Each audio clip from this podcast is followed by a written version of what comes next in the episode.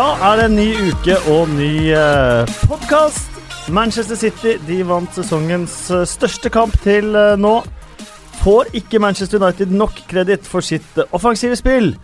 Harry Kane med 13 mål i eh, september. Vi deler ut eh, blomster, kaktuser og kommer selvfølgelig med fun facts som vanlig. Og hva skjer i Crystal Palace? Jonathan Parr, som eh, en gang faktisk ble kåret til årets spiller i Palace, kan sikkert prøve å forklare det etter hvert. Men velkommen skal du være, Jonathan Parr. Takk for det. Én gang hørtes veldig lenge siden ut, men, eh, men eh, jo da. sånn 30-tallet. Ja, det stund siden det. Og Thomas Aune. Hei. Fotballklubben-programleder. Mm, stemmer. Og dere pleier å ha sånn at dere har drakter for deres eh, episodenummer. Ja, vi gjør Og det. det begynner å bli vanskelig nå, så nå har det gått over på Nå er vi på 88, tror jeg. Nå til uka. landskamper. Uh, nei, vi har, ikke, vi har ikke måttet gå dit ennå. Uh, for det- oppe i, i Portugal så har de mye høye draktnumre. Så Portugal har redda oss litt. Det til. ja. Men dette er episode ni hos oss, Eh, Episode 9, ja. så da skal du få lov til egentlig til å finne en uh, favorittspiller med, med drakt nummer ni. Mm, ja. Ni, ja. Det er, det er, for det er litt mer vant til sånn der det er færre å ta. Eh, vi begynte ikke så tidlig. uh, ni um, mener Garth Crooks var nummer ni for Tottenham da jeg var veldig liten. Det var favoritt? Uh, jeg syns han var veldig kul. Ja. Um, Robert Rosario var tross alt også nummer ni. Ja, han var det, ja. ja. Ja. Klinsmann, da. Klinsmann. Ja. Nei, han var 18, han. Nei, det blir vanskelig. Ja, det blir vanskelig. Men uh, Crooks, Garth Crooks, da. Ja. har du en favoritt-nier, eller? Ja, det må være Øyvind Storflor. Ja. Ja. Det er enkelt og greit. Crooks, Storflor, Rosario og uh, Var det Klinsmann på dobbel På dobbel ni. Um, Manchester City-Chelsea, hvorfor ikke bare begynne på, på toppen? Uh, forrige sesong så var jo det på mange måter uh, kanskje litt sånn definerende kamp for sesongen. Manchester City begynte å vinne alle kampene sine. Chelsea gjorde ikke det, men begynte å vinne etter hvert. Og så fikk City to mann utvist, bl.a. Aguero. Tapte 3-1. Chelsea bare dro fra. Mm. Kan det ha vært en lignende kamp vi så på lørdag? Ja, altså, i, fjor så starta jo uh, City uh, om, mm, egentlig, egentlig hakket bedre. På enn- hjemmesida? Ja. Ja. Uh, men um, nå var det jo liksom muligheten til å stoppe det litt da, for en av de, en av de andre kandidatene. Men de ser bra ut, altså. Eh, Det, burde kanskje stoppe nå, men, uh, men uh, nå, nå syns jeg altså Nå var det jo liksom med muligheten, eh, når Aguero var skada og, og sånn. så- Men Delf var på venstrebekken. Hæ? Og Delf var på venstrebekken. Ja, men Delf, herregud, han har fått enda en ny vår, han. Ja, Lurer på, Er han tatt ut på landslaget som venstrebekk nå, eller sentral midtbane? Jeg tror han får holde seg på sentralen. Ja, det er kanskje altså. Men uh, han gjorde jo en god figur der. Men City ser jo veldig sterke ut, da. Eh, som United-supporter så, så frykter man jo litt det, selv om United har hatt en flott start, de òg. Så, så er det litt sånn du ser City virker litt mer Litt mer solid, altså litt, har litt mer ting på plass. United trenger kanskje litt mer tid. Men eh, man håper jo alltid da at det skal, skal, skal være skjære nok seg i, i år. Ja, men de, ja, Nå har de fått en luke òg, da, til de andre lagene. Ja. Nå er det plutselig fem poeng ned. Til Burnley og Watford og Chelsea og Tottenham og de andre. Ja, så De må jo begynne å, begynne å gå på en eller annen uh, smell for komme, havne i litt sånn dårlig form. Jeg ser liksom ikke Altså, det kan jo Det kan jo så klart skje. Men uh, det, de ser farlige ut, altså. Det, det blir litt sånn uh, vanskelig å se. Jeg, jeg ser ikke helt for meg at de skal gå på, på en ordentlig smell. Du nevnte Sergio Aguero. Mm. Han var på konsert med en eller annen colombiansk Ja. kompis i Amsterdam. Ja, for det Eh, var en eller annen colombiansk dame, var det vel, som hadde konsert. Og det var det, Ja. ja. Det var i hvert fall en uh, latino-dame. ja. Mm. Eh, hadde taxisjåføren hadde tydeligvis litt dårlig tid eh, til flyplassen. Eller et eller annet. Eh, Det var jo visst en sving som han ikke, ikke, ikke, nei, fly, Nei, Nei, i ikke- trafikkulykke. Ikke flybillett. ikke flybillett. Han kjørte inn i en lyktestolpe. Ja. Mm.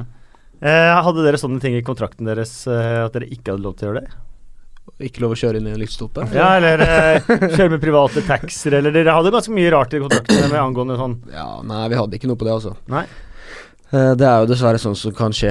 Eh, men eh, utrolig kjedelig for han å få City, selvfølgelig. Um, jeg vet ikke helt hvor lenge han Har de sagt noe om hvor lenge han er ute? eller? Seks-åtte uker, var det? Ja, det siste jeg har sett, da, var at det bare skulle være to-tre uker. Ja. Ja, men jeg Ja, jeg det hørte litt det var sånn litt sånn spekulasjoner ene og andre veien. ja, men, men, eh, Kanskje ikke er eh, brudd da, i ribbeina.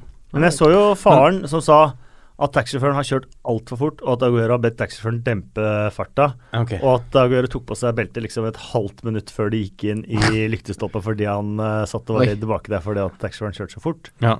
Okay. Så var det jo litt sånn der folk som begynner å sånn Hvorfor er han i uh, Amsterdam så kort tid før kamp? Men uh, det, Guardiola sier jo i hvert fall at det ikke var noe problem. Samme for Ja. meg hva han driver med på fritida.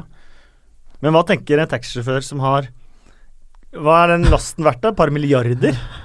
og så bare tenker du det her gjelder det å kjøre fort. Her skal jeg vise meg frem, liksom. Dette er viktige folk. De, bø, de liker ikke treige folk. De skal, skal utnytte. Nei, men han eh, prøvde jo sikkert å holde seg på veien. En spesiell situasjon, da. Har du vært borti noe, noe sånt nå, du? Nei. Eh, det var lite på sånne colombianske konserter i Amsterdam. i min tid, men men uh, Ikke sånn du måtte dra og se Kygo i Nei, hadde ikke helt Jeg var ikke der. Nei, men jeg, har ikke, jeg kan ikke huske noen sånne situasjoner med noen klubbkamerater eller som Nei. har vært i noen sånne situasjoner. Så det er jo heldigvis ikke så ofte sånn skjer. Manchester United de eh, fortsetter bare å, å dure på. Eh, Du er Manchester United-fan, yep. sånn i utgangspunktet. Ja, Er- er jo det. det er, ja, det så føler seg fortsatt sterkere for dem enn for uh, Palace og Leipzig. Ja, det var litt vanskeligere, faktisk. For det, når du har spilt for en klubb, så får du litt uh, Får et veldig godt forhold til klubbene, da. Så, så de får ligge på lik eh, linje, tenker jeg. Men United er jo klubben fra jeg var, var liten, liksom, og fulgte med på hele tiden og sånn. Og, ja. Så det er moro at de har fått litt uh, fart på tinga nå, at det ser, ser bra ut. Lukaku har jo vært uh, knallbra siden han kom, eller før han kom over, vidt. Men uh, han har bare glidd rett inn og starta med en gang, så det er jo Det er viktig. Det, Så er jo endelig Pogba blitt skada, sånn at Fellaini kan spille. Ja, det er viktig. Veldig viktig. Ja. Han er jo veldig bra i dueller inni, inni feltet der. da. det er det. Han er det. det er, han, jeg, jeg mener jo at han Jeg syns han alltid er blitt litt undervurdert, da. Eh, ok, han er, han er litt keitete, og- men alle sånne Alle United-fans følte hadde piggene sånn veldig Mm. ute mot den, sånn i starten. Litt sånn nesten Han ble litt sånn Moyes-symbol, da. Han ja, det. han gjorde det. Men, og alle, når jeg liksom prater med folk på Old Trafford og sånn Nei, men han er ikke United-spiller, han er ikke United-spiller, liksom. Eh, og han er ikke en sånn classy fyr, men, uh, men han, er, uh, han er vrien å skubbe seg på.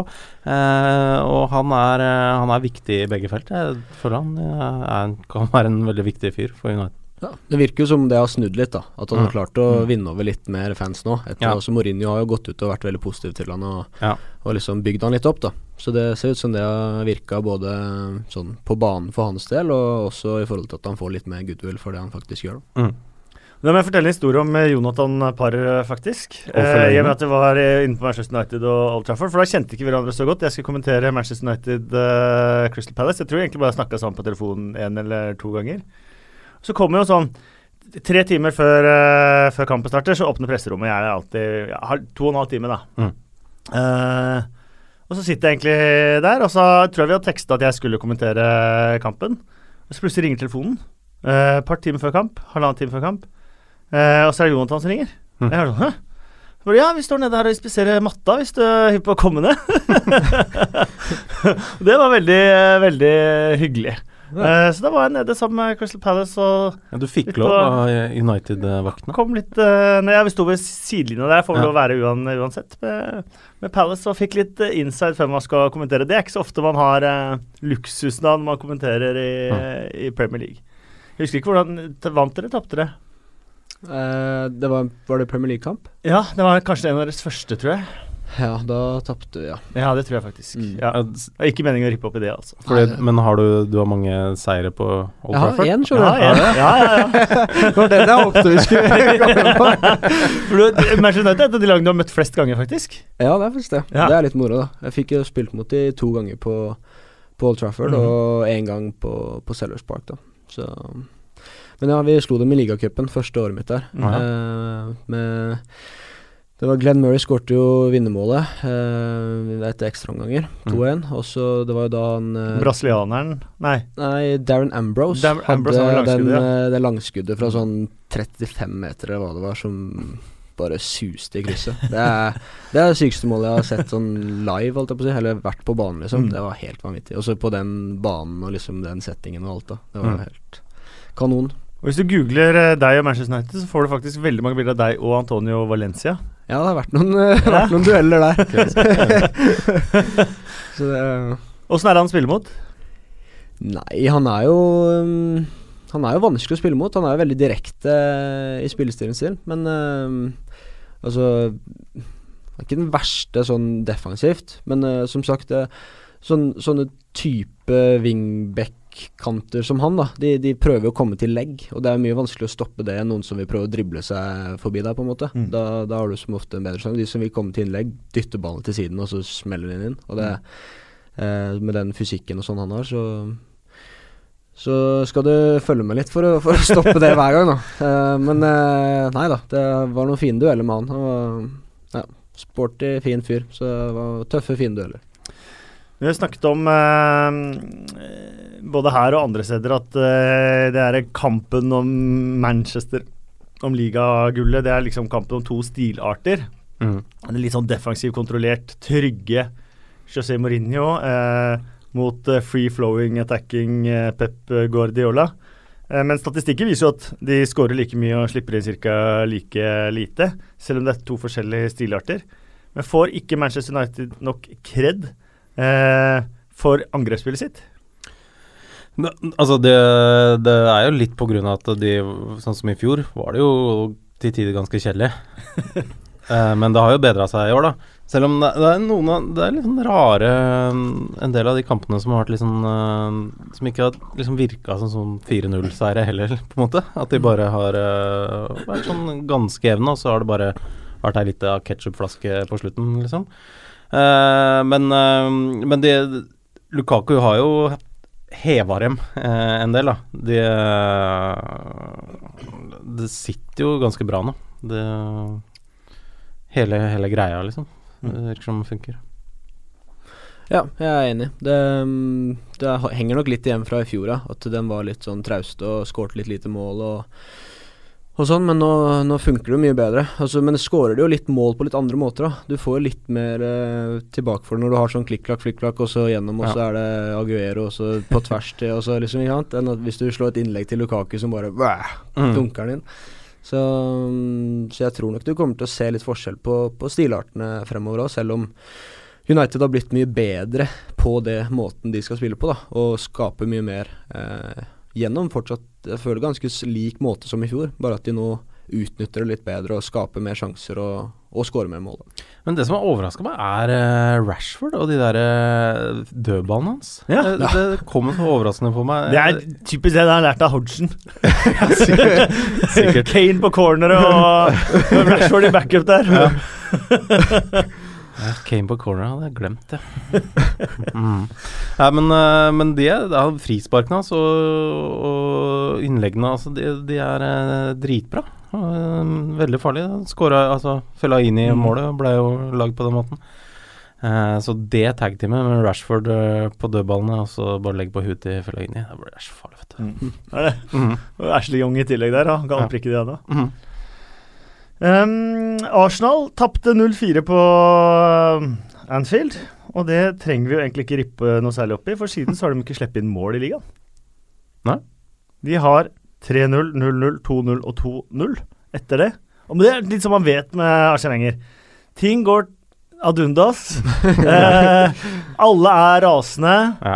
Eh, Og så er det egentlig ikke så dårlig som folk skal ha det til. får liksom ti seire på rad, Ja. eh, og alle er fortsatt rasende. Og så begynner det liksom sånn, og så taper han to kamper mot Brighton og Burnley, og så er folk rasende igjen. Mm. Det er liksom samme hvert år. Ja, men Folk tenker jo det at eh, herregud, Arsenal de er ute, de kommer ikke til å nå topp fire. Men eh, de er jo De er ikke ute av det der i det hele tatt. De er liksom der sammen med Tottenham og Chelsea nå på tabellen. Ja. Så uh, Arsenal har et uh, bra, solid lag, og men Men kan Øzil og Alexis Sanchez spille samtidig? For jeg føler det er der det har gått gærent. Ja. Ja, jeg, jeg tror kanskje enkelte kamper så kan de nok ikke det, men uh, mot de antatt svakere lagene så Mm. kommer de nok til å spille begge, regner jeg med, fordi de forventer å dominere kampene såpass mye at de kan det. Men uh, du ser jo selv mot uh, Det var Brighton de møtte Mm. da. Ja, jeg fikk sett litt på den kampen, og da det er litt sånn, De starter veldig bra, skaper en del sjanser og sånn, og så plutselig så bare ser det ut som Så blir det litt sånn Hawaii-kamp, liksom. At det bare bølger fram og tilbake, og Brighton får masse rom plutselig. Det er litt sånn unødvendig på hjemmebane. Eh, og Det har jo litt med hvordan de spiller og litt med typene de har. liksom At noen plutselig bare står igjen og går litt etter å ha vært ferdig med et angrep og litt sånn. Så det er klart, du får jo Du får veldig mye offensiv kraft, og så får du litt mindre defensiv eh, trygghet. Eh, men, men nå er de der oppe. Er det ett poeng bak Chelsea likt med Tottenham eller omvendt, eller noe sånt Mm. eh, rundt der, så eh, hører ekspertene, i hvert fall i England, de er liksom Chelsea og Tottenham de er med, men Arsenal de er avskrevet. Jeg føler det er mange som har avskrevet både Arsenal og Liverpool, Ja. egentlig. Uh, men det er jo uh, Arsenal har ett poeng mindre enn Tottenham. Uh, Liverpool har to poeng mindre enn Tottenham. Mm. Eh, og så er det 31 kamper igjen. Så det, det er mulig å, mulig å ta. Tottenham har fortsatt ikke vunnet hjemme, er det? Mm, I ligaen? Nei, i ligaen har det vel ikke det. Det er vel én uavgjort og to Eller To uavgjort og én tap. Ja. Mm. Men til gjengjeld er Veldig gode borte. veldig gode borte. Det kommer vi tilbake til, tror jeg, i de eh, statsen jeg har tatt med. ja. Eller fun factsen, heter Ja. det vel. Ja. Mm. Eh, og Da var jo en veldig god overgang til, eh, til Tottenham, eh, som har Harry Kane. Og 13 mål i september, 11 i ligaen, 2 for eh, landslaget. Mm. Eh, men i helga igjen, det er for fjerde gang, så blir han tatt av med los på hat trick. Hmm. Med to mål og et par, tre, fire, fem minutter igjen, så blir han tatt av. Ja, men når du sitter der sånn, og, og, og Tottenham leder 3-0, og det er ti minutter igjen, og så må han er så, redd for at uh, han skal bli skada.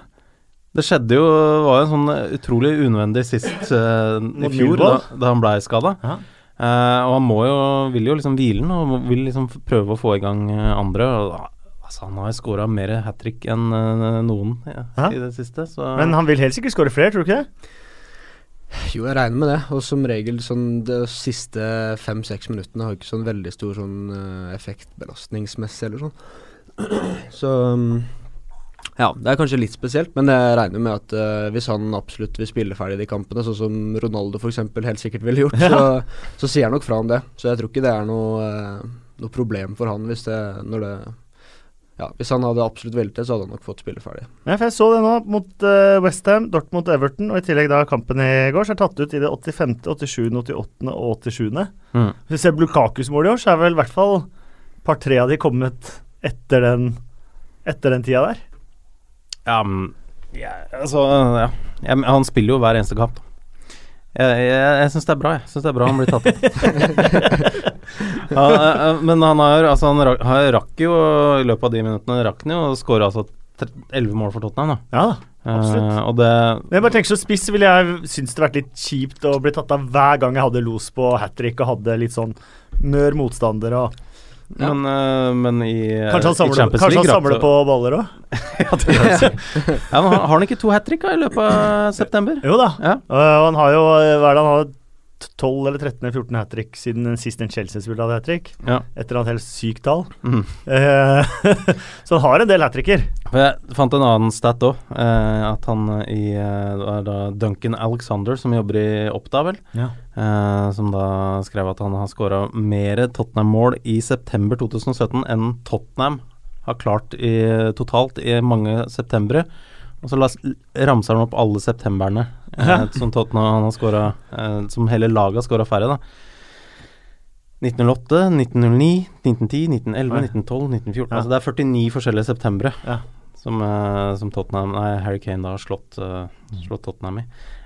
Så han jeg, jeg, er ikke, jeg er ikke bekymra for at han ikke får nok spilletid. Eh, Nei, nei, mer- jeg bare, jeg bare tenker liksom at uh, Spesielt deg som uh, eks-spiller, hvis det ikke er sånn at man bryr seg så mye om uh, Jo, men som sagt, jeg tror at hvis, hvis det er sånn du det, altså det er veldig viktig for deg, så, så blir du ikke bytta ut. Da har du sagt det og sier at jeg skal spille ferdig, jeg vil jakte den tredje skåringen selv om vi leder og alt det der. Så F.eks. for eksempel da Ronaldo ser du ofte spille ferdig sånne kamper, 5-0 eller hva som helst, for å få et par mål til, eller mot noe sånn Ja.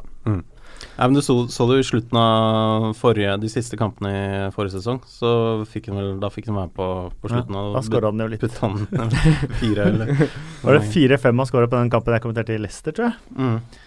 Det var øh, Men én Og dette her syns jeg det, det, det er jo litt Det er jo ikke Chicharitos feil, egentlig, hvis du kommer til Westham-kampen. Eh, men øh, 0-0 mot Swansea. Mm. Chicharito blir bytta ut.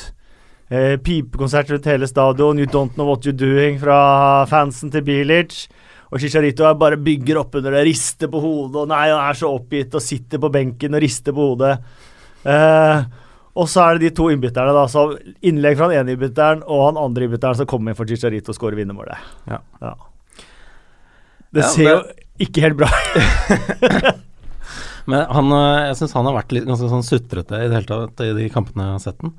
Uh, men eh, det er kanskje bare at han er veldig engasjert, da.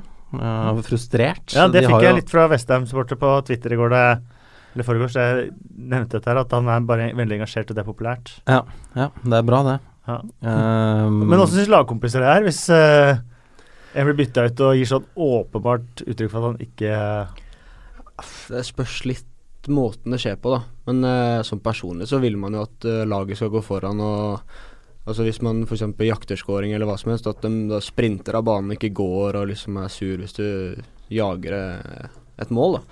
Men eh, akkurat når man kommer ut og sitter på benken, om noen rister litt på hodet eller er litt sinta, det har jo ikke så mye å si. Nei, men Det vanlige er vel at folk ikke, er ikke sånn superhappy på- med å bli bytta ut, Nei da, man skal jo ønske å spille òg, så det blir en sånn balanse Mm. hvor liksom du går litt for langt og faktisk overdriver litt, da. Men uh, selvfølgelig, alle vil jo spille hele tiden, det er jo sånn det er det. Så man blir jo skuffa når man uh, blir tatt av i enkelte situasjoner spesielt, da. Men når man sitter der da, og så tenker faen, han kan ingenting. Eh, og publikum sier det samme, og så er det innbytteren som faktisk blir matchvinner. Ja. Man reiste seg ikke opp mot tribunen og liksom We don't know what you're doing.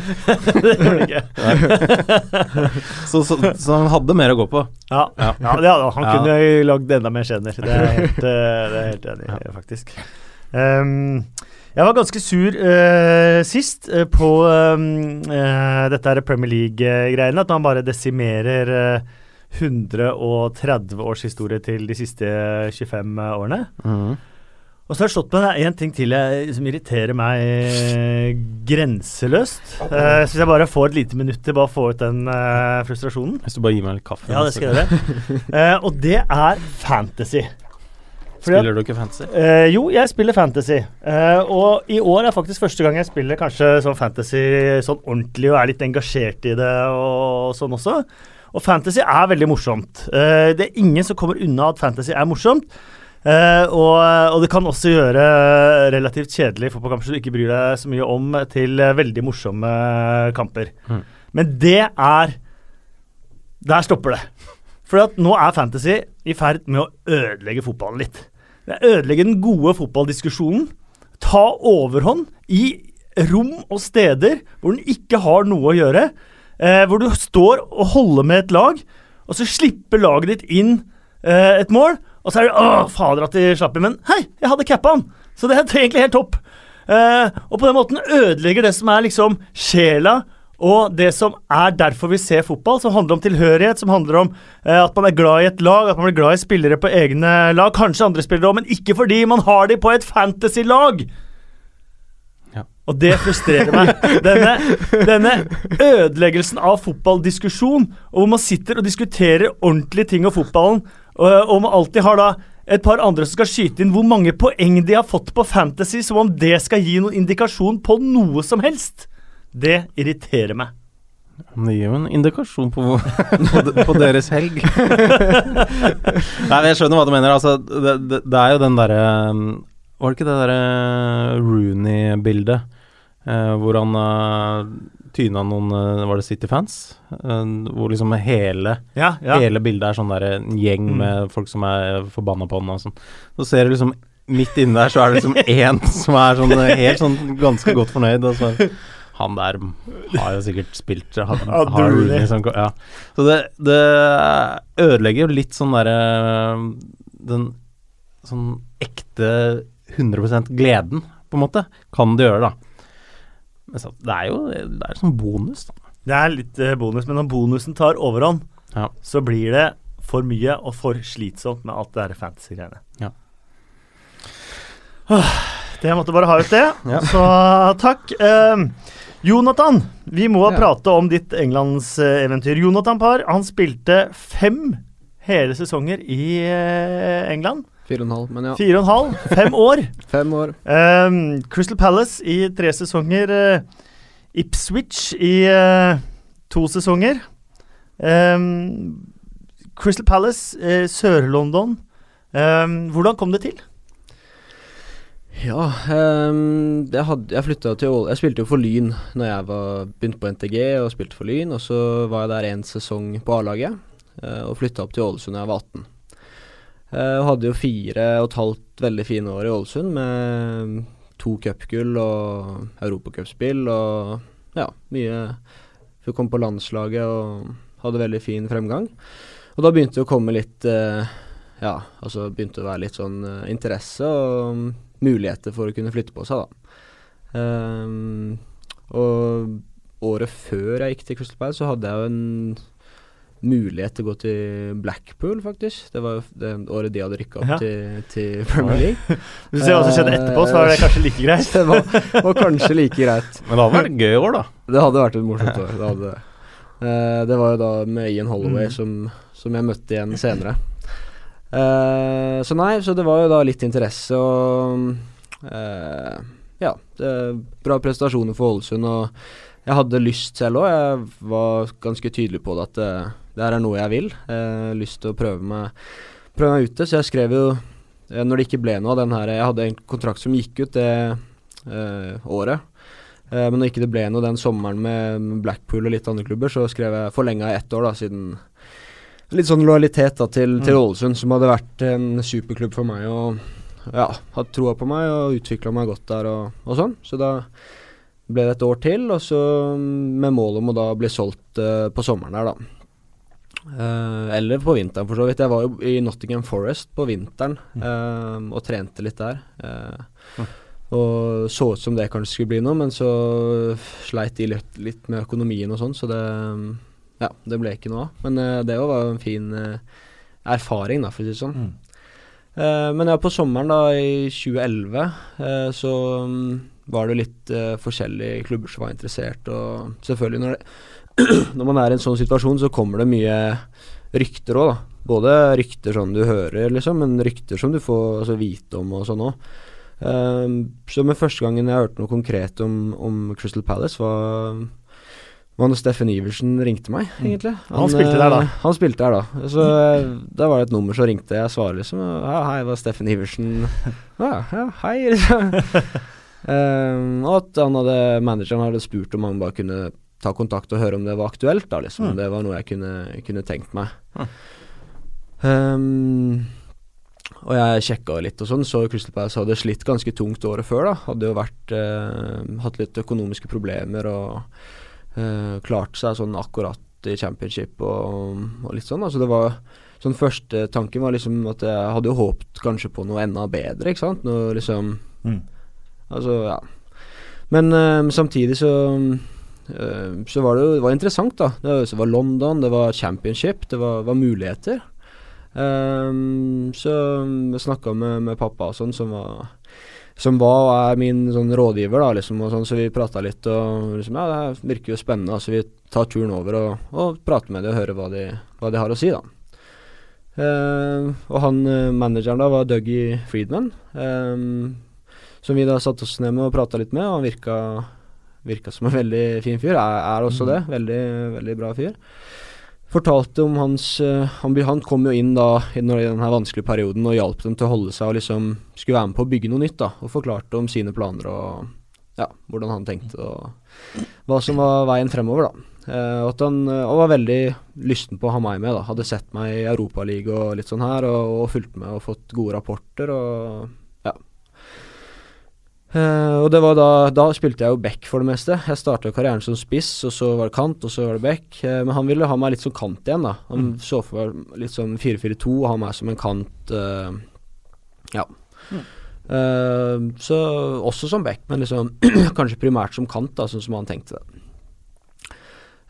Så vi, etter den praten og sånn, så ja, tenkte vi at ja, det her er det her er spennende, liksom. Det her kan bli, kan bli veldig bra. Det, eh, så da var det å skrive kontrakt. Det var en treårskontrakt. Uh, og så var jeg tilbake til Det her var jo um, litt før det overgangsvinduet i Norge åpner.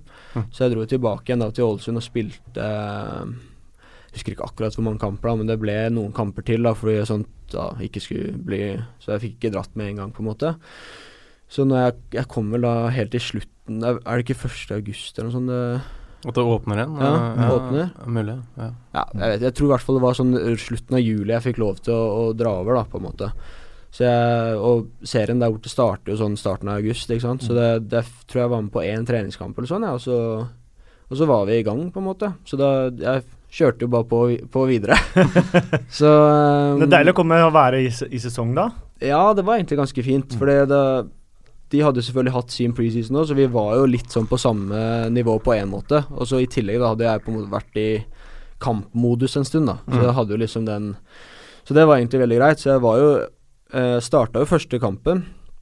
Jeg husker det var Ja, nå husker jeg husker. Jeg husker det var en bortekamp. eh, en tøff bortekamp mot eh, ah, Nei, det husker jeg faktisk Jeg ikke. skal men det, fortelle. det kan du fortelle meg, ja. Ja, for det var eh, borte mot uh, Peterborough. Peterborough var det, og de var veldig spillende på den tiden. Mm. De var spilte Kanskje derfor de spilte dere Spilte utrolig fin fotball, og jeg starta som, som, som venstrekant i den kampen her. Og det var, var sommer selvfølgelig, og sol og varmt. Og jeg husker etter sånn ti minutter så tenkte jeg bare Hvordan skal jeg komme meg gjennom den kampen her? Jeg var, var helt ferdig. Jeg hadde løpt selvfølgelig første kampen, jeg har lyst til å vise deg frem og skal være med på alt, og så føler du nesten at du dør etter ti minutter. Så jeg kom meg gjennom, da, men eh, det var, var en tøff start, Også, ja. Men det er flere som har snakka om det, at det er sånn derre uh, Du må bare komme deg gjennom første kvarter eller et eller annet sånt, og etter det så roer det. deg, blir alle litt slitne, og så blir det sånn ja, Ja. Ja, heldigvis så er det ikke like høyt tempo hele tiden, men eh, det er klart det som liksom ung norsk spiller kommer bort der og skal liksom prøve å vise deg fram og starter mm. som kant der og må jobbe en del defensivt, og de gangene vi vinner ballen skal du liksom inn i bakrom, ikke sant, og Ja. nå skal jeg vise jeg kan, liksom. Så, så blir det fort litt slitsomt, men det ja, det var utrolig, utrolig gøy å komme over der og Men første og hjemmekamp. Første hjemmekamp det ble jo spesielle greier. det var litt Mot mer, Burnley. litt mer schwung over, ja. Eh, det var en litt spesiell oppladning til den kampen, for jeg, jeg, hadde, jeg bodde på hotell da. Jeg hadde jo ikke kommet meg på plass og sånn. Uh, og så skulle jeg jo ta taxi da til, uh, til stadion. Og jeg vet ikke helt hvordan jeg tenkte det, men jeg, jeg plan, sjekka jo liksom på Google Maps ok, det skal ta 20 minutter da til stadion. Jeg bestiller taxi en halvtime før vi skal være der. Greit med tid, liksom. Og eller jeg er litt mer, kanskje jeg var 40, da, men altså, det var ikke sånn overgod. Og så kommer taxien litt for sent, og så er det litt sånn der, så begynner vi å kjøre, og så står vi bare bom fast, da. Mm. Kommer ingen vei. Og jeg sitter her liksom og begynner å bli litt smånervøs, da. Og så mm, spør jeg liksom ja, er det mulighet til å kjøre noen annen vei. Nei, det var ikke noen annen vei. Så jeg bare jeg skal, skal spille kamp, liksom. For han sa liksom jeg har trafikk pga. kampen, så jeg bare ja, jeg vet det. og så sitter og svetter der, og så han begynner han å ta litt sånne her småveier da, og kommer seg litt så rundt, og så sier jeg bare, bare kom så nærme du kan, liksom, og så er det bare å slippe meg av. Så kommer jo sånn i nærheten, da, så når jeg ser stadion, på en måte, og han slipper meg av, og jeg liksom løper ut, da. Og jeg har jo ikke vært på stadion før, så jeg vet jo ikke hvor garderoben er, da. Så jeg, så jeg løper liksom bort til stadion. Og så, Jeg har jo selvfølgelig på meg altså Crystal Palace-utstyr og alt sånt, ja, så folk skjønner jo at jeg spiller, på en måte. Men og så, så begynner jeg liksom å løpe rundt der, da, og så spør, jeg å spørre hvor er garderoben, liksom. Jeg, jeg spiller det. Og så heldigvis treffer jeg noen som jobber, og så der da, så slipper meg inn sånn, så jeg løper gjennom en sånn der restaurant og noe greier, da. Ko- Kommer, kommer, inn i, kommer inn i garderoben liksom sånn 30 sekunder før altså, vi liksom skulle være der, da. Og prøver å gå litt så rolig akkurat inn rundt svingen, da. Og liksom bare sånn Ja, full kontroll her, liksom. Så, um, men så starter jo kampen, og um, som kant også den kampen. Eh, og får meg en scoring da etter eh, kvarter, 20 minutter, tror jeg, eller noe sånt. Så, så det var jo veldig, veldig deilig da, å få en sånn start på, på hjemmebane der, og få liksom Ja, få, få fansen med med en gang. Så, um, så det var, var en stor dag, det, altså. Det var, var moro. Eh, og så ble det kåret til årets spiller første sesongen, var det ikke det? Mm. Mm. Det er svært. Det er veldig stort. Det, mm, de har jo liksom forskjellige sånne priser da, fra klubben og fra fansen og litt sånn. Jeg, jeg fikk jo begge de prisene som, som årets spiller, og det mm, Ja, det var veldig stort, altså. Mm. Det som sagt ung eh, norsk spiller kom bort der og, og jobbe hardt, og så og få den belønningen der. Etter en sånn eh, ganske morsom sesong også, hvor vi er med lenge i ligacupen og sånn ok lenge i championship og jobbe mot eh, playoff der, men detter av siste syv-åtte kampene med mye skader og sånn, så vi ender sånn midt på litt under, tror jeg. Mm. Men, eh, men alt i alt en ganske sånn spennende, morsom førstesesong. Um, og ja, å få den prisen der med masse gode spillere i Mm. klubben. Altså du har uh, Klein, som spiller høyreback for Liverpool, og Saha, som uh, har gjort det veldig bra, vært i United og er god, og uh, Jedinak, uh, sentral midtbanespiller som, som er kanonbra. Altså det var nok av gode spillere der som, som man konkurrerte med, for å si det sånn. Hva, hva det- fikk du? Jeg fikk jo en eh, Eller to, trofé, to liksom? store trofé som, jeg, som jeg har. Så det Ja, har du de Du veit hvor du har de? Ja, ja, klart det. De, jeg har ikke fått de opp på noe sånn skikkelig sånn ordentlig show, showroom ennå. Men de, de har jeg kontroll på, så de, etter hvert så må jeg finne et lurt, uh, lurt sted til de. Ja, for å vinne en del i karriere, de faktisk Fotball handler om å, å vinne og ta trofeer. Du har jo et par cupgull der, som du var inne på, årets spiller. Man, man får vel en medalje når man vinner playoff-finalen og Ja da, Ja. det gjør det. Så det, det er klart det òg var jo var veldig stort. Det, dessverre var jeg skada akkurat de siste kampene og selve playoffen her. Eh, Det ble sånn, slutten, eh, Du jubla jo i dress ja. eh, på matta etterpå. Eh, og det ble en sånn, der, eh, sånn greie blant eh, fans og i, i England, hvor de hadde klippa deg ut i I den alt posituren i masse forskjellig Ja, det var Jeg hadde jo Jeg skada ankelen eh, borte mot Ipswich. Eh, sånn eh, Ja, i slutten Nei, kanskje det var april, starten av april, kanskje. Så jeg mista siste kampen der.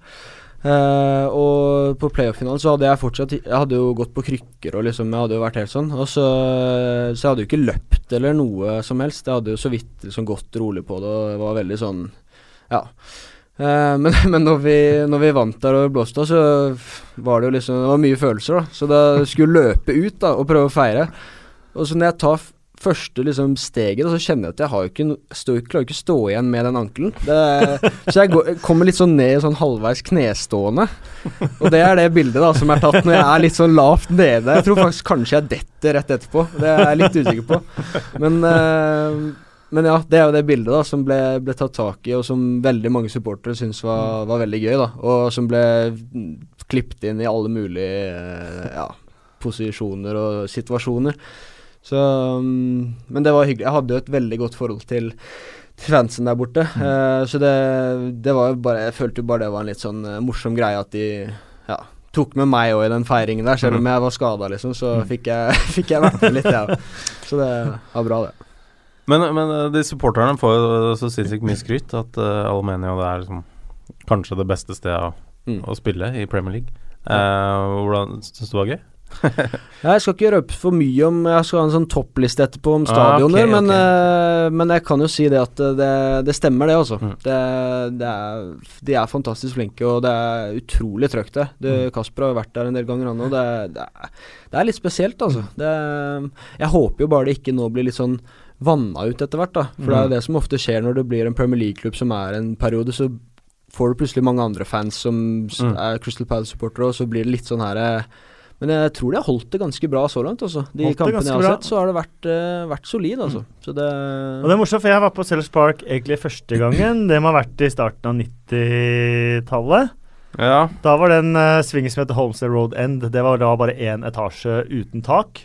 Og så har vært dere sett uh, Norwich faktisk et uh, par ganger. Eh, og det var jo eh, Og det er sånn ned sånn starten av 2000-tallet. Og da var det liksom kjent som det stedet som hadde dårligst stemning hvor du kunne reise rundt. Det var Mm. helt dødt, helt stille. Eh, og det viser jo at det er mulig. Eh, hvis man tar tak eh, blant supportere i klubb og i området, Mm. og, og, og, og gjøre det om, og skape en veldig veldig kul supporterkultur, da, Mm. eh, som de har der. For der er det supertrøkk. Og måte den svingen da Holmsted Road End har fått med seg resten av stadion. Mm. Eh, så på veldig mange sanger så synger jo hele stadion, og på innmarsjen Glad All Over så er liksom alle oppe og synger, synger sangen. I tillegg så er det en ørn.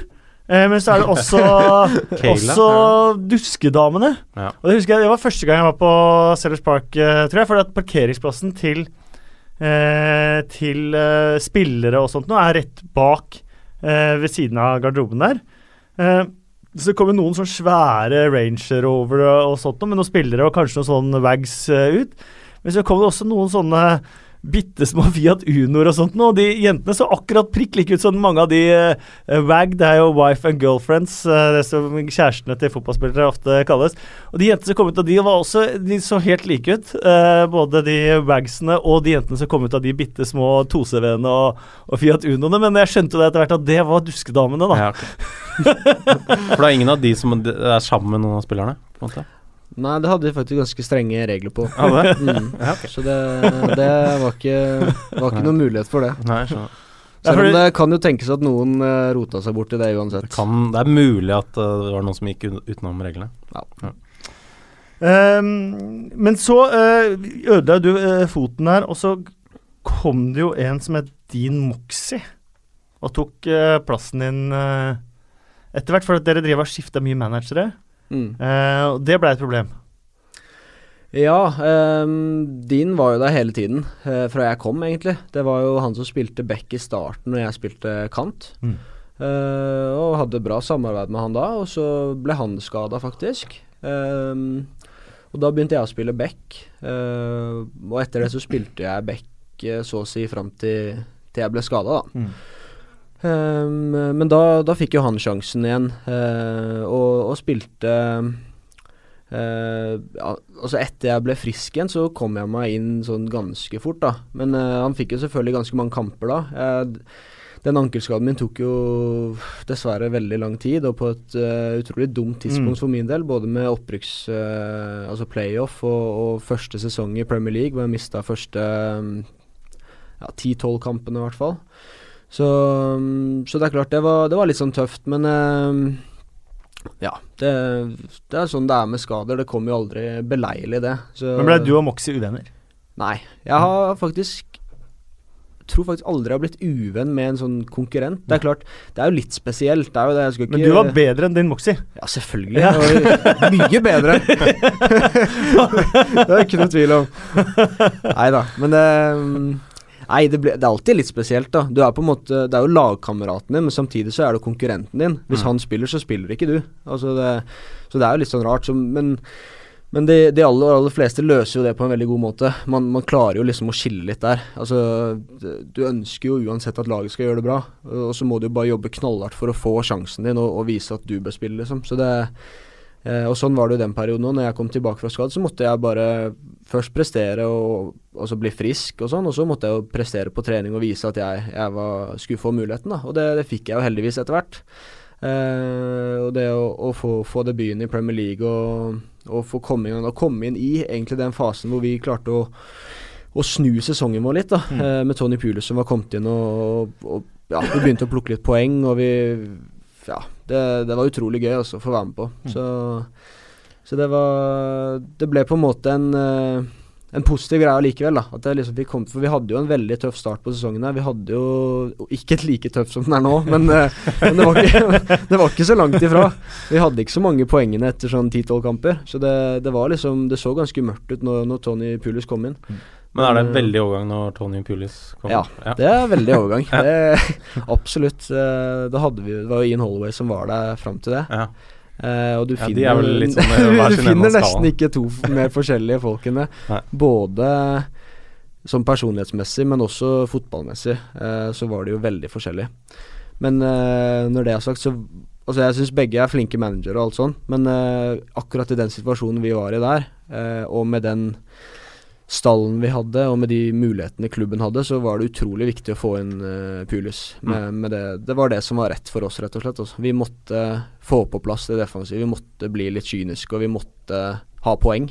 Og da var han uh, rett mann. Men for jeg, jeg hører liksom story om Pulis at han er så utrolig sånn terper og terper og terper og terper. At det er sånn der, At du driver med sånn uh, rep mellom de i forsvarsfireren og sånn. Gjorde dere det?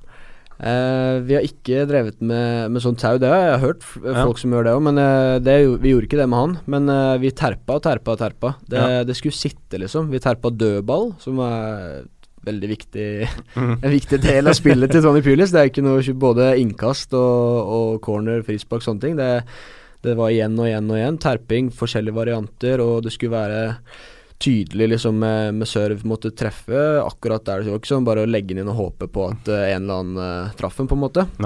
Eh, så det var en veldig viktig del av, av det han tok inn. Og så selvfølgelig organisering defensivt og sånn. Vi, vi ble jo etter hvert veldig vanskelig å slå. Vi, vi hadde jo en periode hvor vi, vi vant masse kamper og, og klatra opp. Vi, vi kom jo ganske høyt til slutt. Jeg tror vi kom på sånn 12.-13., kanskje til slutt, eller et eller annet sånt. Så det var liksom fra å ligge helt i sumpa til å, til å ta masse poeng og, og komme helt ut av det. Uh, og det er absolutt takket være den omstillingen han gjorde med hele klubben, og bare fikk inn en skikkelig sånn her uh, go i laget. da. Ja. Vi, vi jobba knallhardt, og vi, vi var vanskelig å slå. og vi ja, Masse 1-0-seier og Det er deilig, liksom, Så Men- det Ja. Men på sånne dødballer, det er en, en ting som jeg alltid nesten stusser på, eller sånn jeg følger eh, Man gjør jo ofte tegn, det er han som legger. Gjerne én arm opp, eh, eller to armer opp, eller venstre arm og sånn. Mm. Men jeg føler liksom e- virker nesten alltid som én arm opp er på første, eh, og to er på andre, liksom. Er det Var det det? Eller Nei, man, jeg skjønner hva du mener, Ja.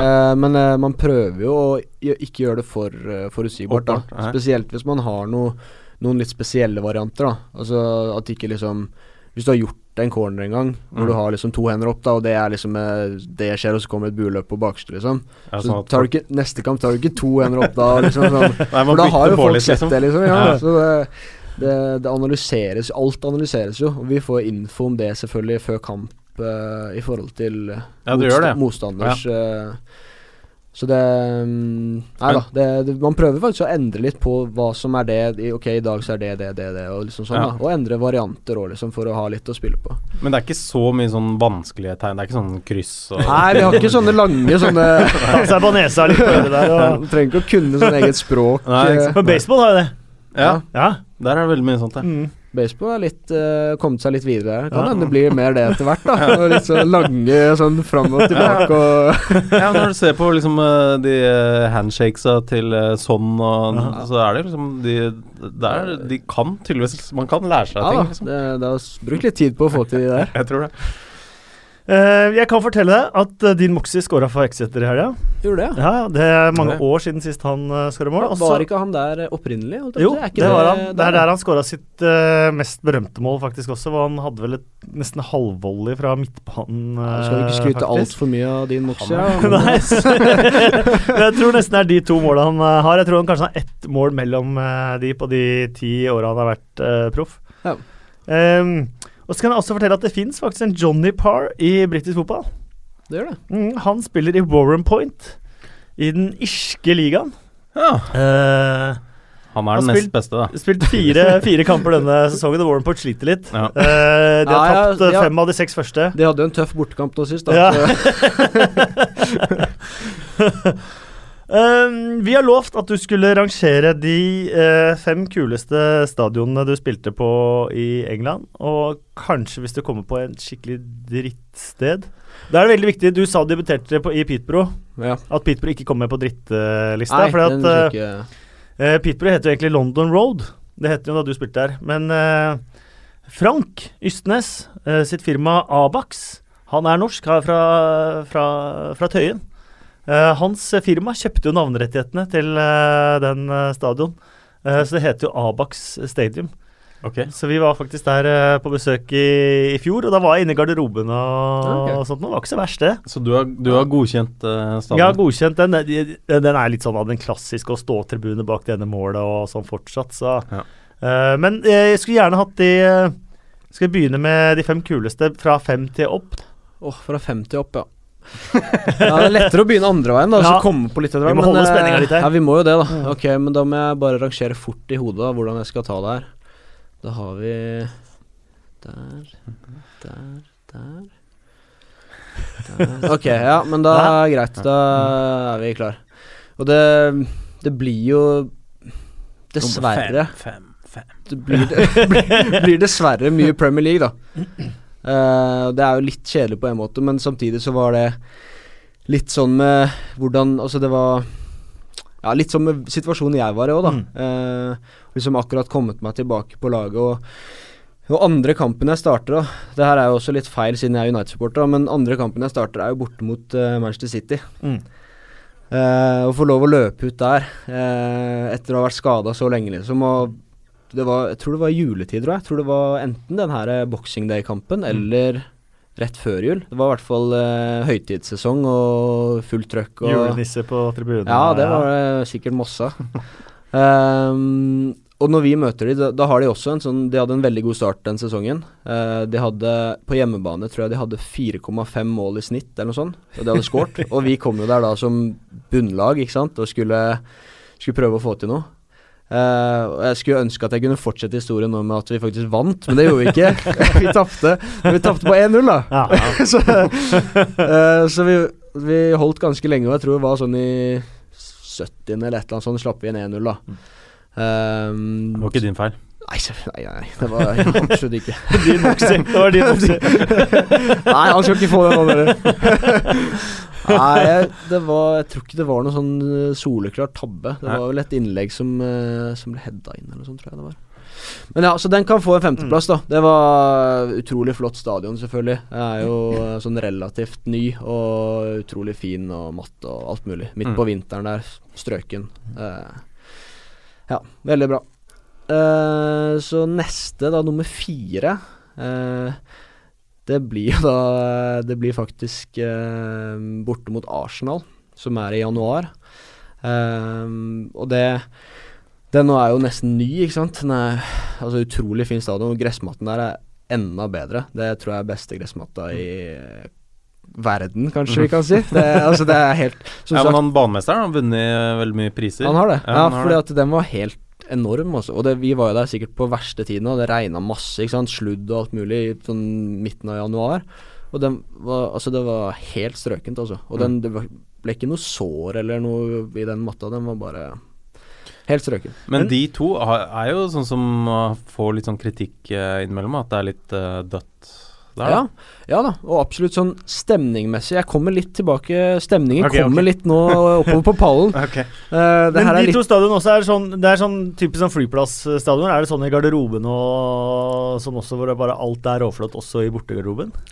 Uh, Ja, det er vel det. Det, du Det er ikke sånn, De har ikke de gamle bortegarderobene. Nei, sånn men det, det har vi på en av de som kommer uh, litt på pallen her. Det er litt interessant, faktisk. Men eh, Nei da, de de er flotte. Det er nye stadioner, og det er Ja, alt er på stell der, liksom. Det, det er ikke noe tull. Så det, er utrolig flotte stadioner, og utrolig store kamper da for, for meg som fotballspiller, som, som har vokst opp med engelsk fotball, som har fått lov å spille, spille mot de lagene, da. Så det, det var, var stort.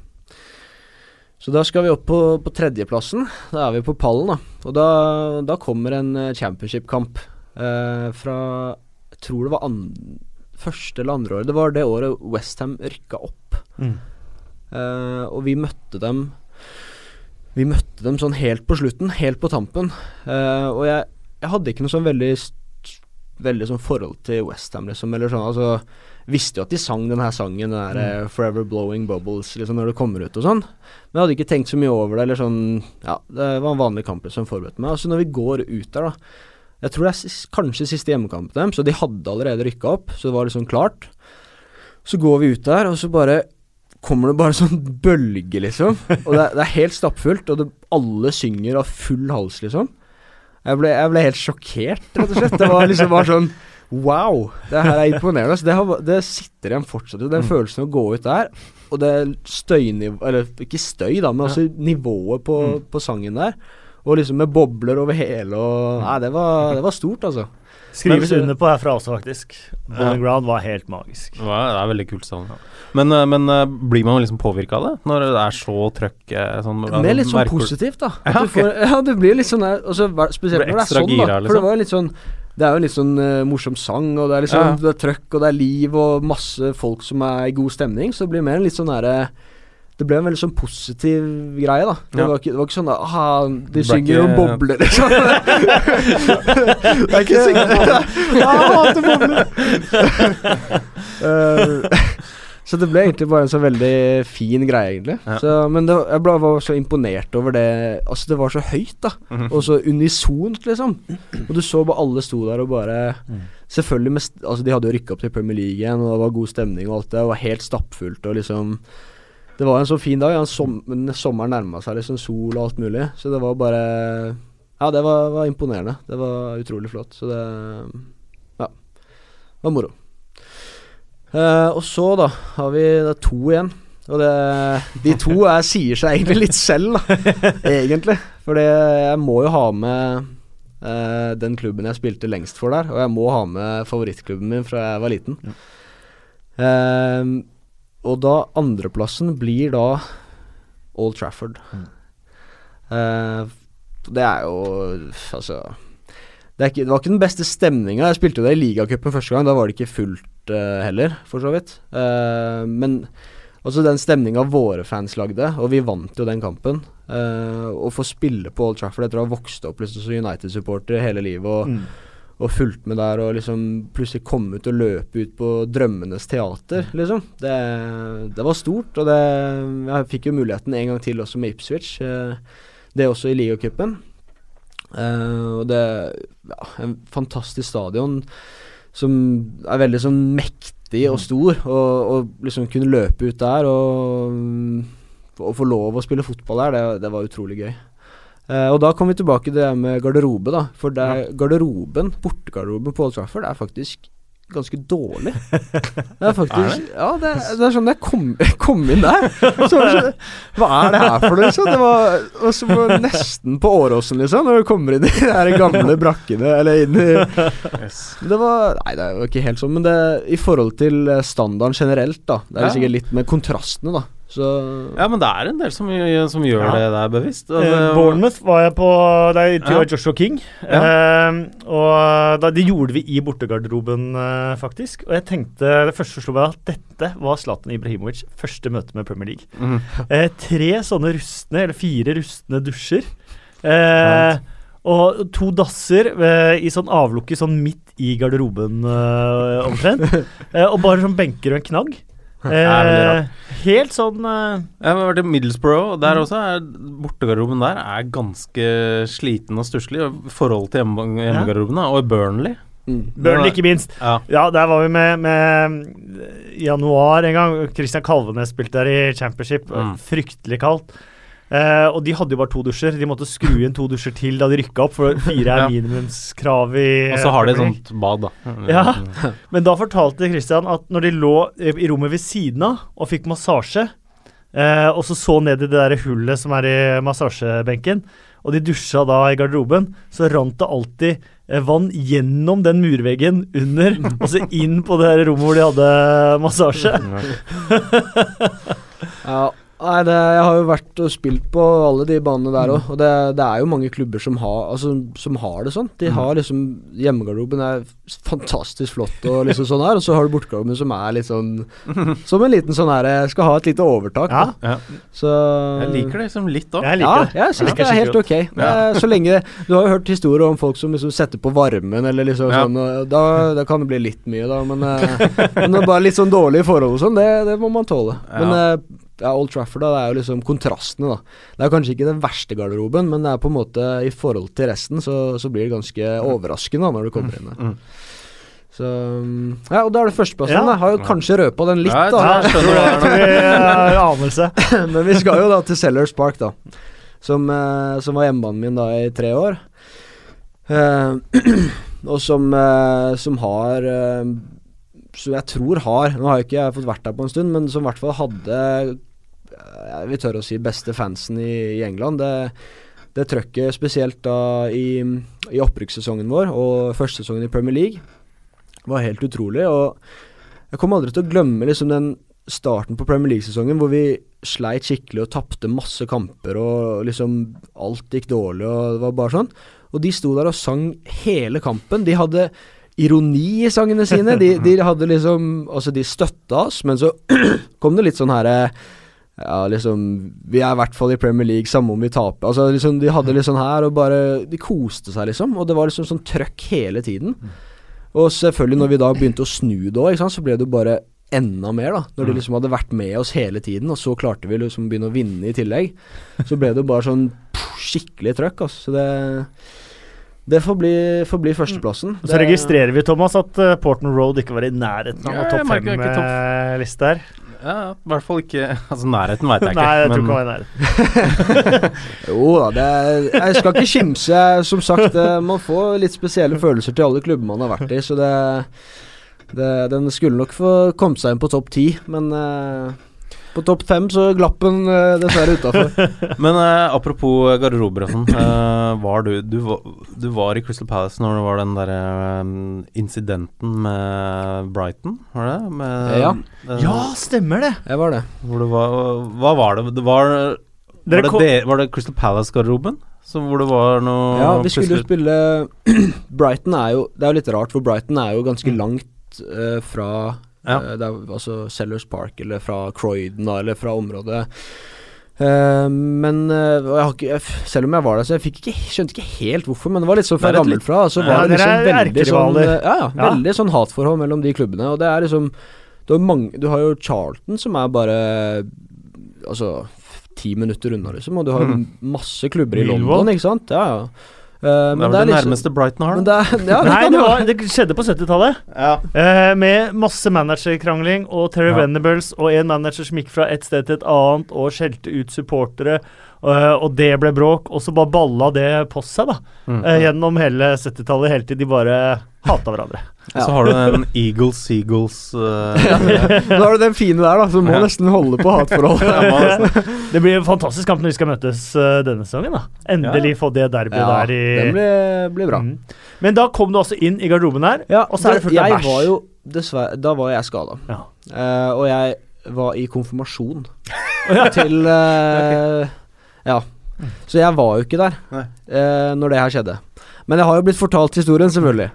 Eh, og da kommer de jo da inn i garderoben, uh, og det er jo Altså Sånn jeg har blitt fortalt det, så var det Den ene doen var full med bæsj og sånn. Altså, opp, Altså oppi oppi, skåla? oppi og opp etter og litt sånn over. Og det var også bæsj på gulvet Ja. når de kommer inn i garderobene. og det her er jo som sagt da Det er playoff-kamp òg, da. Det er play, det er, de har, vi har jo da spilt hjemme. Uh, det ble uavgjort hjemme. Jeg mener jeg kommenterte, men dere gikk jo videre. Ja, jeg tror Ja. vi vant borte, skjønner du. Mm. Gjorde vi ikke det? Det kan stemme, det. Jeg tror det ble 1-1 er hjemme. Jeg tror vi lå ned 1-0, og så ble det 1-1 hjemme. Og så skulle vi da bort og spille borte.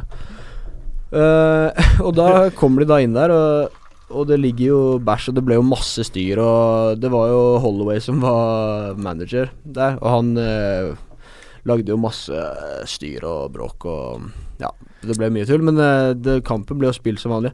Men det som er litt gøy, det er sånn i ettertid, da, så fikk jeg høre det jeg, jeg vet ikke om det her er sant, men jeg fikk høre at det var bussjåføren vår Ja. som hadde vært veldig dårlig i magen. Mm. Som hadde vært inne og vært på do før eh, spillerne hadde kommet inn.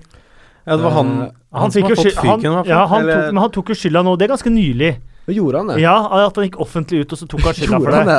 Ja. Men dette endte jo med at Gus Poyet fikk sparken. Å. Eh, for det, Ryktene gikk jo at det var Gus Poyet som hadde Som hadde som hadde bæsja i liksom Nei, eh, sin egen. eh, garderoben deres. Eh, og Nei, han får jo var- fortsatt sånn sanger etter seg også, eh, Gus Poyet. Eh, om uh, om uh, bæsj og de tingene der. Og han skrev et sånn langt avskjedsbrev til Brighton da han gikk av også, Ja. eh, som ikke egentlig handla om det, men om at det var mye andre greier som liksom var en, en del av greiene. Så det blir jo veldig mye bråk rundt dette her i, i etterkant, da. Som Men det viste er- at det var bussjåføren. Men det er veldig rart, altså, for han Det var jo i Crystal Palace-garderoben, Mm. og han var jo deres Ja, ja. bussjåfør. Men et, sånn jeg forsto det, så hadde han bare vært veldig dårlig i magen. Da. Altså, det var liksom ikke noe Men så det, så det må Jeg tror at de her historiene har blitt litt overdrevet, da. At det Ja. har gått fra liksom å være At det kanskje ikke var utover alle At det kanskje vegger. ikke var over hele garderoben, da, for å si det sånn. Men eh, dessverre så var jeg jo ikke der, da. Så jeg, jeg har ikke sånn first hand uh, intel på den der, men uh, Men uh, nei, det var ja, det var i hvert fall en spesiell situasjon, da. Lovte jeg skulle ta med noen spørsmål fra Twitter òg. Eh, en som eh, følger eh, Championship bedre enn noen andre, tror jeg, i Norge. Som driver siden Championship Nord òg. Eirik Aase. Eh, han spør eh, hvem var den beste spissen du spilte Hvem var den beste spissen du spilte med, og hvorfor var det David McGoldrick? Litt ledende spørsmål der altså. David McGoldrick kan godt bli nevnt som altså, Men jeg må jo nevne Glenn Murray òg. han var jo helt enorm for oss det året vi, vi rykka opp. 31 ligamål. 31 ligamål. Um, det var jo det året vi hadde Vi hadde jo Bolasi som uh, Ja. høyrekant og Saha som venstrekant. Så vi hadde jo På høsten der så hadde vi Det her kan man jo sjekke opp, da, så jeg kan jo ikke lyve med det her. Men uh, jeg husker det ikke helt heller. Men det, vi sier sånn cirka, da. Vi hadde tre-fire kamper på rad der hvor vi hadde to eller tre straffer i hver kamp. Altså De to lagde så mye problemer. Altså vi fikk Så, så han Glenn Murray han drev jo bare og skjøt straffer. Han var tre hjemmekamper på rad. Han kunne få seg hat trick bare med straffer, tror jeg det var. Dessverre så bomma han jo første gang. Han hadde skåret to, og så bomma han tredje eller et eller annet. Eller skåret et vanlig mål. Så, så han begynte å gi fra seg etter hvert. da Han tok liksom den første, og så begynte han å gi fra seg fordi at det, det Det ble liksom for mange neste. ja, det var for mange straffer. Så, så han hadde jo fin hjelp der, da. Men eh, han var utrolig bra den sesongen. Og skårte masse viktige mål og masse utrolig bra mål. Uh, så, men McGoldrick òg, og, og Darren Murphy for den saks skyld. eh, som skår, han var vel opp mot 30, han òg, den første sesongen i. Ipswich. Veldig god, god spiss. Eh, så ja, det har fått spille med en del gode, gode spisser der. Så det, men McGoldrick skal også få være med. Han er jo Han er en sånn type som du føler litt kunne fått enda mer ut av det han har, da. Eh, Men god denne sesongen, plutselig. ja, ja, veldig bra denne Mm. sesongen. Men han, han har liksom så mye i seg, da, som på trening og sånn. Han er sånn som kan gjøre de mest utrolige ting, liksom, og, og ha utrolig mye. Han er utrolig fin fyr òg, Mm. men du føler liksom at han kanskje kunne pusha det litt mer, da. Liksom vært litt mer sånn eh, norsk hardtarbeidende I tillegg til all den kvaliteten han har, da. Eh, selv om at han er utrolig bra fyr å jobbe for lag og alt det der. Det er ikke, det er ikke den det jeg mener, på en måte, men bare virker som kunne liksom tatt enda et sted da, hvis han hadde hatt uh, ja, litt mer push. Men uh, utrolig bra spiller, ass. Utrolig gode ferdigheter og ja, bra, bra fyr. Men sånn, du, når du har liksom Sa og Bolassi, det må jo være ganske deilig? Ja, helt fantastisk. Det, vi, den sesongen så spilte jo vi egentlig sånn formasjon Eller formasjonsmessig var det sånn 4-2-3-1, men eh, taktisk så var det sånn gi ballen til uh, Saha eller Bolassi. Ja. Det Det var nesten det. Det var altså sånn Når du spilte back, liksom, var det sånn Så ofte du kan, skal du få sentra ballen til Saha, da, som spilte sammen med meg. Mm. Ehm, og det, det var jo veldig greit, for han Altså, nesten uansett så beholdt han ballen. Altså og da og ofte skapte han noe ut av det, liksom. Og de, de to er jo fantastisk gode, og på, på championship-nivå òg, så de terros, terroriserte jo mange backer der. Mm. Så Men vi må, ha, vi må ha et par historier om, eller eh, høre om Wilfrid Sahafi. Saha. Hadde jo, eh, eller jeg hørte en annen podkast, Heia fotball, med Brede Hangeland. Og der fortalte han, eh, og dette reagerte jo Wilfrid Saha veldig på på Twitter i etterkant. Eh, men eh, der sa jo Brede at uh, Wilfred sa han hadde nytt eh, nyttårsforsett hver mandag. Da var han sånn Yes, nå skal vi uh, i treningsstudio. Brede, hjelp meg med vektene her. Og så gikk han liksom en halv runde inn på treningsstudio, så var det åh, nei, neste mandag. og så neste mandag så var det nytt nyttårsforsett. Nå nå skal han komme i gang med, med å løfte vekter og, og sånt noe. Uh, så hvordan var han? Altså, jeg fikk jo et veldig godt forhold til, til Wilfred. Vi, vi, eh, når jeg kom over der, så var jo han sånn up and coming. Han var jo kanskje Jeg var jo 22, han var kanskje 18 eller noe sånt. Jeg Akkurat begynt å spille litt, og, og var, du, alle så jo talentet hans, Mm. men han hadde ikke liksom slått helt gjennom, da. Uh, og var litt sånn surrehue og kom litt sent og var litt sånn her, da. Ehm, så ganske tidlig da så ble jo jeg satt eh, på rom sammen med han når vi var ute og reiste og sånn. Ja. For han Dougie tenkte at liksom, Jonta han er litt sånn ordentlig og Han kommer tidsnok og, og liksom, Lært seg taxien og og funnet ut det her med taxi og kø og sånn, så da er det greit. Um, så vi bodde jo på rom uh, faktisk hele tiden mens jeg, mens jeg var der, og det var egentlig veldig fint. Han var, vi er jo veldig forskjellige på en måte, men samtidig så hadde vi det veldig morsomt på rom sammen. og Eh, og vi spilte jo sammen nå, på en måte, så jeg fikk en veldig sånn god relasjon både på banen og, og utenfor. Eh, så jeg kan jo ikke være med helt på den eh, Jeg tror Hangeland sa jo det litt, altså litt for å Det var litt så morsomt sagt. Det var jo ikke sagt for å liksom slakte Nei, på ingen måte. Det var bare som en morsom, ja, ja, det var så morsom greie. så Ja, liksom, og så blir det oversatt, og så blir det Ja. fortalt til Wilfred. og Litt så ut får- fra sammenheng. Ja, så blir det Mm. tatt litt ut. Så, Veldig. Så, men uh, når det er sagt, så er jo Wilfred også en sånn type som man tenker sånn Åh, du har så utrolig mye kvalitet, liksom. Du har så mye. Liksom, skal du ikke klare å skvise Liksom ta det siste Eller sånn. Men uh, samtidig, altså, han jeg, jeg, ville aldri tatt ham på noe Altså på treningsarbeid og alt sånt. Han gjør det han får beskjed om, han, han jobber og står på og sånn, men det er litt sånn som med Goldrick. Du føler liksom at Kanskje hvis det hadde vært meg, da. Så det er sånn, du føler liksom mange som er i en litt annen situasjon. Sånn som jeg har Hele karrieren min er jo bygd på at jeg jobber knallhardt, liksom. At jeg, altså selvfølgelig jeg har jo visst talent, og det der ligger i bunnen. Jeg har alltid vært god i fotball da jeg var liten, og, og alt sånt der, men, men hovedgrunnen til at jeg har lykkes, er jo at jeg har jobba knallhardt og trent ekstra, og liksom at jeg løper, at jeg gir alt. Altså det, det er det jeg har bygd min karriere på, da. Mm. Og så ser du veldig mange andre som, som bygger det kun på talent. Mm. Og så tenker du sånn hvis du hadde hatt litt av det, så hadde du liksom kanskje fått det lille steget opp. Fordi sånn som spesielt sa da, han har jo Altså Jeg sa jo det med en gang jeg kom bort dit, så ble jeg jo spurt sånn litt og spørsmål. Så han er beste spilleren jeg har spilt mot, da, sånn på trening. Altså han beste sånn én mot én driblinger og, og liksom uforutsigbarhet og, og, og så Han er jo så Fysikken hans er jo helt rå, liksom. Han er jo Mm. Altså Han kan jo gå i gymmen han i en halvtime, og så er han jo øh, sterkere enn de fleste. Altså sånn, Han har så mye naturlig, da. Mm. Uh, så det Ja, det, jeg har kun positive ting å si om han. han Men jeg øh, har en så, Og det, det, har- sittet i meg litt siden eh, den eh, dagen Jeg vet ikke om du husker det, FA Cup-finalen eh, Manchester United Crystal Palace. Den kommenterte jeg. Uh, og da var, da var Wilfried Saha litt sånn touch and go på om han uh, kunne klare det med skade eller ikke. Og så var de ute og inspiserte matta. Eh, og så bare brøyt han jo sammen i gråt. Midt på matta. eh, da de gikk i dress. Så jeg, min første reaksjon var jo å bare rapportere hjem da Wilfrid Saha. Han har tydeligvis vært gjennom en eller annen fysisk eh, test der og kommer ikke til å spille matchen. Han må ha fått en dårlig beskjed. Men han spilte. mm.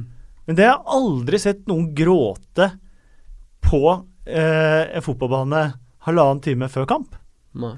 Og det har jeg dessverre ikke noe insight på heller. Jeg vet ikke hva det var, faktisk. Det, ja, det, det må ha vært noe, men, men, noe personlig for men han. følte han på press, eller er det Nei, det vil jeg Han er ikke typen som Nei. føler på press, egentlig. Altså, sånn, sånn som jeg kjenner han. Nei. Så jeg tror nok mer det var noe, noe på personlig plan, altså, som, eh, som spilte inn. Stor drøm å spille FA-cupfinale. Eh, Johannes Georg Asp spør på Twitter at du må komme med noen gode stories om Ian Holloway. Og Ian Holloway har forsvunnet litt fra Premier League-radaren. Mm. Han var veldig høyt oppe på radaren da han bl.a. var i Blackpool og i Palace. Og han er jo fullt av sitater. Han sa jo om Cristiano Ronaldo Uh, He's six foot something, fit as a flea, good looking. He's got to have something wrong with him. Hopefully he's hung like a hamster.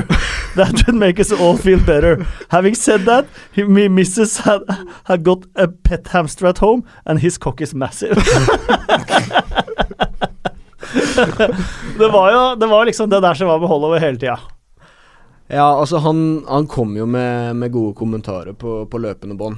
Det, det var jo ikke bare i media, det var jo på treningsfeltet eller Ja, hvor som helst. Det, det blir jo litt sånn spesielt forhold da, til manager. Så I England så er jo ofte manageren litt sånn eh, Altså du skal respektere manageren. da Han er litt, litt over liksom og har litt sånn autoritet og liksom. Så kommer han eh, Holloway inn da som er helt motsatt. da Han, Mm. han kom inn i garderoben vår før trening og, og begynte nesten med litt sånn standup-show, da. Og litt sånn Å gå rundt og fortelle vitser, liksom, og sånn. Og, og han er morsom òg, så få få i gang Valeo, og liksom, og sånn. Og, eh, det Altså, vi har jo vi sitter jo ofte og hører på musikk før trening, sitter og venter så plutselig så kommer han inn da og begynner å danse. Og da er det, så, da er det skikkelig Han gir det han har, liksom. Og, og det var en som fikk filma det, faktisk, eh, den ene gangen. Og vi fikk jo Alle sendte rundt alle hadde, og kjempegøy, ikke sant. Og så, mm, og så var det en som sendte det inn til et sånn her eh, Hva er det heter de her fotballprogrammene? AM og Ja, sånn? noe sånt Ja. Soccer AM eller et eller annet Mm. sånt. da Så det ble vist der. og da, da var han litt skuffa, for han hadde hatt et sånt møte med oss før. da. Han hadde lovt kona si at han skulle slutte å være sånn klovn. da Han skulle, han skulle være seriøs, liksom. Så det her ødela litt, da, for, for det her imaget han skulle liksom bygge opp. da Ehm, så Nei, han var utrolig morsom, altså. Han var, men som sagt, du får et veldig sånn annerledes forhold til han da For de gangene han skal prøve å være seriøs da og være litt sånn her eh, tøff, da så blir det litt sånn her eh, Litt rart, da. Fordi at du er vant Virker ikke helt ekte, liksom. Nei, for du er vant til å se han i en sånn veldig sånn her eh, komi- altså tøysesituasjon, da. Så Men jeg har jo en litt morsom historie om han, da. Som uh, var Altså, jeg er jo Det som er litt dumt da når jeg skal drive og snakke fotball, sånn at jeg husker veldig dårlig som hvem jeg har spilt mot og sånn. Så, men det, det har ikke så mye å si for denne Nei. historien, da. Men uh, vi spilte i hvert fall en bortekamp i championship. En tøff bortekamp mot et litt sånn her eh, krigerlag. Uh, og fem minutter før slutt eller sånn, så får Jedinak, han kapteinen vår på den tiden, sentral midtbanespiller, svær australier, får seg en albue, da. Ganske sånn stygg uh, Litt sånn Ser ut som det er tilsikta, da. Eh, så får den rett i, i kinnbeinet, hovner opp masse og helt blå. Må, må gå av bytte, for han klarer ikke å se på ene øye, da. Um, og det er jo da fem minutter igjen. Vi spiller ferdig kampen. Uh, og så, når vi skal gå inn i, inn i garderoben, så Altså, det skjer ikke noe ute på banen, da, men når vi går inn i tunnelen her, så stopper alle og venter, liksom. Der hvor det kommer liksom inn i tunnelen, og så går det høyre og venstre borte hjemme, og så, står, så venter da Jedinak står der. Alle stopper, liksom. Står og venter på han her eh, Husker selvfølgelig ikke hvem det var, men en eller annen på, på andrelaget. Uh, og så kommer Holloway, da. Og jeg sto der, ja, òg. litt sånn bakgrunn, selvfølgelig. Jeg skal jo ikke frem og få juling her. uh, og så kommer Holloway. Jeg tenker jo liksom Ok, hvis jeg er manager, så sier jeg sånn Nei, gutta, kom an, liksom. Vi går inn i, går inn i garderoben. Det er Slapp av, liksom. Men han, uh, han tar ikke den, da. Han, han tar den at uh, Ok, boys. Jeg er med dere, liksom. Nå, nå skal vi ta Nå skal vi ta der fyren der. Og det, bare stiller seg opp helt frem. Og han er ikke veldig høy heller, da. Helt fremst der, da, som en sånn liten terrier, og står og venter, da. Og så, så kommer jo dem Stopper selvfølgelig spillerne dem så, og så kommer jo han her hovedpersonen da, og begynner å krangle litt og sånn, og så og Holloway er jo i full fyr og flamme og står og roper og, og freser og bare Det er så, sånn som venter på å bare bli sluppet løs, liksom. Og det blir jo litt uh, håndgemeng etter hvert der. Det er jo et par som uh, får seg en Det blir jo litt sånn uh, masseslagsmål, nesten. Altså, Holloway er ikke involvert i det, ja. uh, det skal jeg ikke påstå. Han blir liksom dytta litt bak etter hvert av de litt større Større folka, men, men det blir liksom en sånn greie, da. Og så litt sånn fram og tilbake, et par slag her og der, og så går vi liksom inn i garderoben, og roer seg, liksom. Så kommer vi inn i garderoben, og Holloway er helt i hundre, da. Og liksom bare Ser dere, gutta, jeg er med dere, liksom. Det her skal vi klare For det var jo den Vi var jo litt så tøff periode. da. Vi hadde ligget godt an, og så holdt vi på å dette ut av playoffen der, da. Og liksom, nå skal vi kjempe sammen og sånn. Og han var liksom Ser dere, gutta, jeg er med dere. Jeg står sammen i kampene, så det her skal vi klare, og sånn. Så det var jo litt sånn kul greie, egentlig. da. Det ble, jo- ble jo sånn morsom eh, Morsom situasjon, og vi holdt oss jo på playoff og, og rykka opp til slutt òg, så det Ja, det ble moro. Huddersfield, tror jeg det var. Det, det, som det hørtes ut som en uh, absolutt en mulighet. Ja, det virker som det er Huddersfield. Alan Lee på Huddersfield. Ja, det, det kan stemme. Altså. Fikk juling. Alan uh, Lee. Kristoffer Vå- Vårhus er Ipswich-fan. Holder på med Ipswich supporterklubb. Han er nå Eh, veldig forbanna at du ikke nevnte Portman Road på topp fem. Ja, jeg skjønner det. Vi må jo snakke litt mer om Ipswich før vi, før vi gir Ja, oss. for han ikke Lurer på hvordan tiden var, og hvordan det var å spille Old Farm. Ja, nei, altså, jeg hadde jo Jeg hadde jo ett Det ble jo bare ett og et halvt år i Ipswich, men eh, jeg hadde jo utrolig fin Spesielt første året, da, var utrolig morsomt. Da Uh, kom jo til Ipswich òg, når jeg gikk fra Crystal så var Ipswich var litt sånn på vei opp, det òg. Hadde vært litt nede. Mick McCarty hadde tatt over og fått litt sånn orden på klubben og hatt sånn fin sånn stigning. Uh, året før jeg kom, tror jeg de ble nummer 8-9-10, altså sånn rett bak playoff, liksom. Og ja, målet var å komme på playoff, så det var var egentlig greit sånn for min del. Jeg hadde lyst til å rykke opp en gang til, liksom. Ta, Mm. ja. Så, så første året var jo, var jo veldig gøy. Vi, vi fikk jo en litt sånn, eh, litt sånn vanskelig start. Eh, jeg var selvfølgelig skada første, første seriekamp, så var ikke med da. Og tok litt tid før jeg, før jeg kom meg inn på laget, eller sånn at jeg fikk spille fast. Men kom inn på laget, og så tror jeg vi vant sånn Eller i hvert fall ikke tapte da på sånn seks-sju kamper, og vant mange av de. Og, eh, Og igjen så skåra du da i Det var den andre hjemmekampen din. Uh, ja, det var nok andre Det var ikke første, i hvert fall. Men eh, Nei, var det så tidlig, da? Ja. Ja, kanskje det.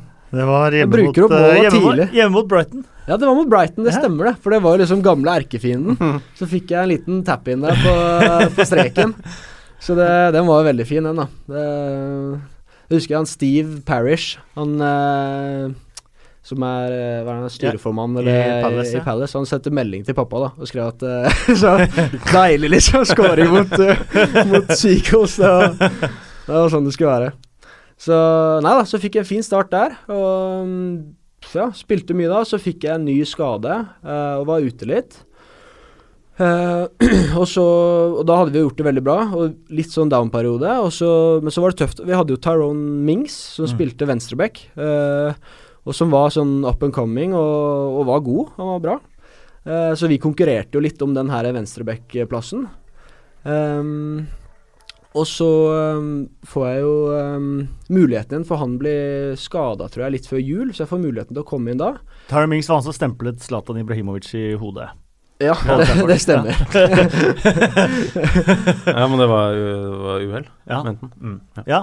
Ja, um, og så får jeg komme inn da, og så spiller jeg tre-fire kamper og gjennom julestria, holdt jeg på å si, og vi vinner alle sammen og jobber oss opp i, på playoff. Kanskje opp mot uh, topp to, faktisk, og ligger veldig godt an. Uh, og så Da har jeg spilt fire kamper, jeg har vunnet alle kampene. Nesten ikke sluppet inn mål, tror jeg. Sånn sluppet inn et par, men vi har vunnet komfortabelt, liksom, mot, og borte mot, borte mot Brentford, som også lå og kjempa litt, og, og gode resultater. Og da kommer jo liksom dilemmaet til, til Mick, da, selvfølgelig, når da eh, Tyrone er tilbake fra, fra skade. Og jeg har jo gjort det bra og spilt godt, og laget har gjort det godt.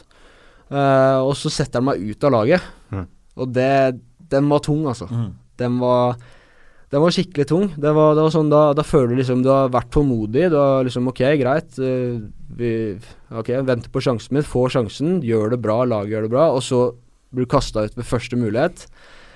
Den var blytung, altså. Så det, det var det var tøff start på resten av den sesongen. Da. Mm. Og da visste jeg jo på en måte hvordan det kom til å bli Mm. eh, videre. Um, I forhold til det, da. At liksom hvis han var klar, så kom han til å bruke han. Og det hadde han ikke vært så tydelig på før det. Mm. For da hadde vi bytta litt, og jeg hadde fått spille litt, og han var på benken en kamp hvor jeg spilte, liksom. Og det var litt sånn Virka som det var konkurranse, da. Men hvis du spiller bra og likevel ikke får spille Nei. etterpå, så ja. Det, da føler du liksom Ok, her, da har jeg ikke noe sjans hvis ikke han er skada, da. Mm. Eh, så, så den var tøff også. Den var, var veldig tung å svelge. Uh, hadde det ironiske er jo at han ble skada med en gang han gikk til Bournemouth. Ja, ja Ikke i sant? måneder, da. Da skal jeg være Ja, skada! Nei, så det, og det var litt kjempe. Vi hadde jo faktisk hele den her um, Ipswich-gjengen. De kommer jo over hvert år uh, fra Norge. Det er jo 50 stykker eller noe sånt som kommer hvert år og kommer på kamp. Og de var jo over Jeg tror det var i januar, akkurat i den her perioden. da Eh, og de spør jo meg liksom Ja, skal, skal du spille liksom Og ja, vi gleder oss til kamp og sånn. Og jeg, jeg har jo da akkurat fått vite da at jeg ikke skal spille, liksom. Og bare sånn Ja, ja vi får se, liksom. Jeg blir jo skuffa hvis ikke jeg får spille. liksom. Og bare, liksom, bare sånn holde liksom det maska, da. Men det var jo utrolig tungt, da. Etter en sånn periode hvor du liksom var litt på gang, da. Liksom litt sånn småskade, litt rusk og sånn. Ok, nå er vi på gang, vi er på vei, og liksom vi ligger godt an og sånn. Og så bare får du den. øh. Ja, men Det er jo ikke noe hemmelig at jeg og Mick hadde jo, hadde jo ikke sånn beste forholdet heller, da. Vi, ha, vi kom litt sånn, jeg vet ikke, litt sånn skeivt ut, og det ble liksom aldri helt Like skeivt som nesa. like skeivt som. Nesa? Ja, han har hatt seg noen smeller der. Nei, jeg vet ikke, ass. Det var litt rart, det der. Jeg, jeg klarte aldri helt å skjønne det, for jeg trodde egentlig at jeg skulle være en sånn type spiller som han hadde sansen for, da, i forhold til sånn som han er som manager og sånn, men det, det var et eller annet med meg som han, som han ikke helt likte. Eh, og det kom jo Det viste han flere ganger, for så vidt. Uh, og ikke nødvendigvis i denne situasjonen, da. Det er jo sikkert mer sportslig grunnlag. Uh, selv om jeg tror det alltid vil påvirke litt, da, hvordan, hvordan forhold du har til spillere. Men det, det var sånn folk på laget spurte meg liksom sånn Hva er det du har gjort, liksom? hva, hva, hva er det som skjer? Altså, sånn, Men hvordan merka du det ellers, da? Nei, det var det, kun, altså det var mye, altså. Det, det var liksom Jeg merka det Tidlig så var det mer sånn litt sånn kommentarer og sånn. At du merka litt sånn at det var mye strengere for meg enn for mange andre i, i forskjellige situasjoner, da. Ja. Uh, men vi hadde jo også flere situasjoner sånn uh, Vi hadde jo så I denne perioden, da, i juleperioden, så hadde vi jo en kamp hjemme hvor vi vant, uh, vant 3-0 eller noe sånt. Og så og så Da hadde jeg spilt to-tre kamper, vi hadde vunnet, og alt var jo Vi var på, oppe i playoff, og alt var supert. Ja, jul og Og så går jeg av banen og liksom klapper til fansen og Ja, vanlig. Og så plutselig så kjenner jeg hånden som drar meg i skulderen. Og. Og så snur jeg meg, liksom, så er det Mikk, da. Og han har det dødsblikket rett på meg. Og jeg tenker, tenker så jeg bare hva, hva er det, liksom? Så han bare sier han, skal du ikke ta meg i hånda?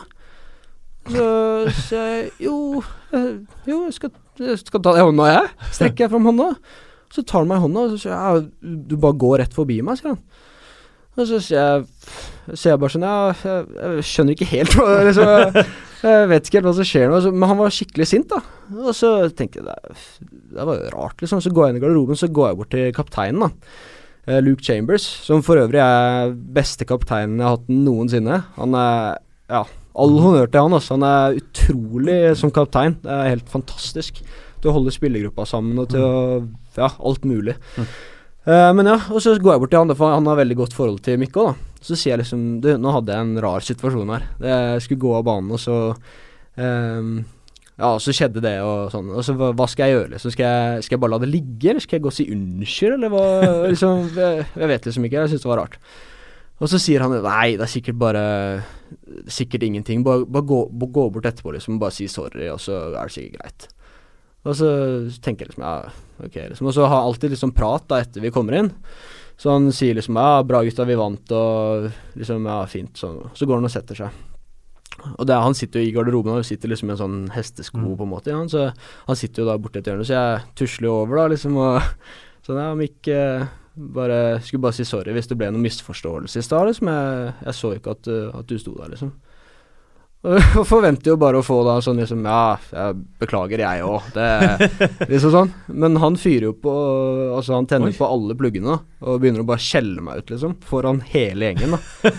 Og bare begynner å si at neste gang skal han stå med sånn refleksvest, da. Og liksom at eh, At eh, liksom bare tar av helt, da. Og, står, og alle sammen sitter bare og ser liksom bort, liksom. Hva som det som skjer nå? Og jeg Altså, jeg sier liksom bare igjen sånn prøv, altså bare sånn rolig, da. Så jeg merker at jeg blir, jeg blir både sint og lei meg, liksom. Det er sånn, hva er det som skjer? Altså, nå endelig er jeg inne og spiller her, liksom, og så bare Og vi har vunnet tre kamper på rad og ligger på play, og så kommer det Altså, hvor kommer det fra? Og Liksom? likevel vil du ikke ta han i hånda, liksom? Likevel gidder jeg ikke ta det. Nei, og så og så, um, så ender det Og så, så sier jeg igjen, da altså Han sier jo, kommer jo masse greier, ikke sant, og bla, bla, bla, og står og roper og sånn. Så sier jeg bare Mikk, jeg så deg ikke. Hvis jeg hadde sett deg, hadde jeg selvfølgelig tatt deg i hånda. Jeg beklager. Og han klarer ikke å roe seg, liksom. Så jeg bare sånn Nei, ok, greit, liksom. Og så går jeg. Og så går jeg i dusjen og sånn. Og så, um, og så kommer liksom de andre og sånn liksom bare «Ah, Hva er det som skjer, liksom? Og, ikke sant? Og så jeg bare Jeg har ikke peiling. Jeg aner ikke, liksom. Det er helt Eh, Og så um, Og så kommer han ikke. Altså, jeg, jeg tør ikke å prøve meg på noen flere samtaler, så jeg, jeg drar jo bare hjem, liksom. Og så Og så ringer han meg, da. Eh, Litt sånn et par timer etterpå. Så ringer jeg, sitter og kjører eller noe sånt, og så ringer han meg, og så Ja, hvordan går det, liksom? Ja, jo, det går jo greit, da. Så bare ja, han var, var kanskje litt uh, var kanskje litt hiss, eller litt sånn uh, overivrig eller sånn etter kampen, da. Så ja, du var kanskje det, så, Ja, nei, han beklaga det, da. Eh, Det var bare dumt at det ble sånn, liksom. Altså, jeg bare ja, det, jeg er enig i det. Det var, var litt merkelig. Så så han ringte og unnskyldte seg, da. Så det, vi, vi la jo på en måte den død, men samtidig så Så blir den jo ikke helt død. Det Nei. blir på en måte Du, du har, fått, du har der, fått liksom. et lite innblikk i hvordan Hvis han tror at jeg går og ser på han, og så bare sånn ah, Deg tar jeg ikke i hånda, du er altså, Og så går inn. Hvis det er det han tror om meg, liksom. Det sier litt om hvor jeg ligger i, i liksom I hans bilde, da. Så det, det var starten på en litt sånn uh, tøff uh, tid i forhold til å komme inn der, og i forhold til å liksom få Og det endte jo med at uh, utover Altså Den sesongen spilte jeg jo en del på grunn av Jeg spilte jo kant ganske mye på grunn av litt sånn forskjellige kampbilder og alt sånn, så jeg fikk jo til slutt Jeg endte opp, tror jeg spilte over 30 kamper den sesongen, så det var ikke sånn mm. Det var ikke sånn at jeg bare satt på benken og sånn, men det ble liksom et veldig sånn rart forhold til han, da. Uh, og det ble jo ikke noe bedre etter at han solgte Mings da den sommeren og henta inn en ny back mm. som skulle spille da istedenfor meg. Uh, han spiller ennå, Jonas Knutsen. Ja da, han ja. spiller fortsatt. Mm -hmm. Så um, Nei da. Så det nei. var litt sånn kjedelig at det ikke skulle klaffe helt der, da. For jeg har hatt uh, Dougie Friedman hadde jeg kjempegodt forhold mm. til, og Holloway og Pulis for så vidt. Så det var litt sånn kjedelig at det skulle krasje litt med han, da. Warnock, Men, uh, fikk du noe inntrykk av? Han bare solgte han, eller? eller? Uh, Warnock kom eller, vel et, var akkurat der i etter jeg hadde gått. Ja. ja.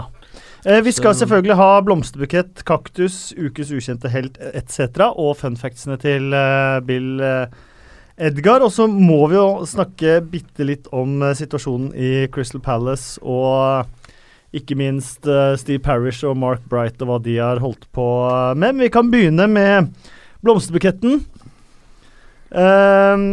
jeg har et forslag, hvis ikke dere har noen umiddelbare. Ja, Mick McCarthy, kanskje? um, Rafa Benitez tok, hadde Margaret Aspinall som gjest på matchen i går. Hun har jo ledet an kampen for de eh, 96. Hun mistet jo sønnen sin i Hillsbro-tragedien. Mm. utrolig fin gest av Rafa Benitez, som jeg syns fortjener blomsterbukett. Ja, jeg, jeg backer deg. Ja. ja.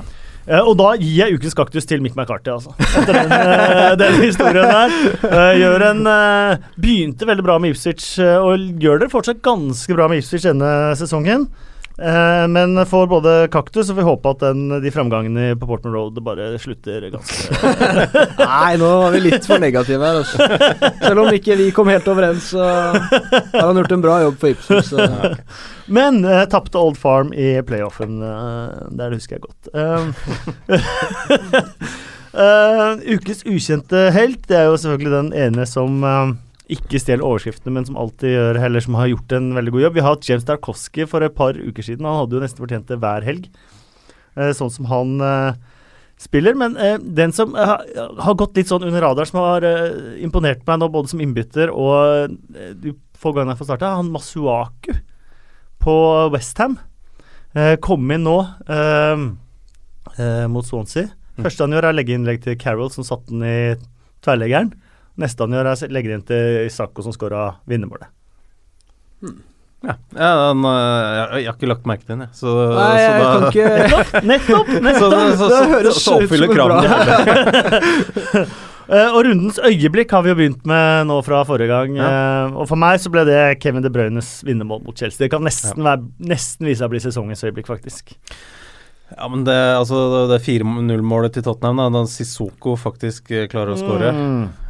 Ja, det er også Er det hans andre mål på 100 kamper eller noe? Ja, han har uh, Han har opplevd uh, framgang da, de siste ukene. Han har sett ut som en vanlig fotballspiller, faktisk. Men det har han faktisk. Ja, så det er positivt. Og, og, jeg lurer litt på hvorfor. Men jeg lurer på om det er kanskje den Sissokoen vi kommer til å få se framover òg. Ja, kanskje. Mm. Mm.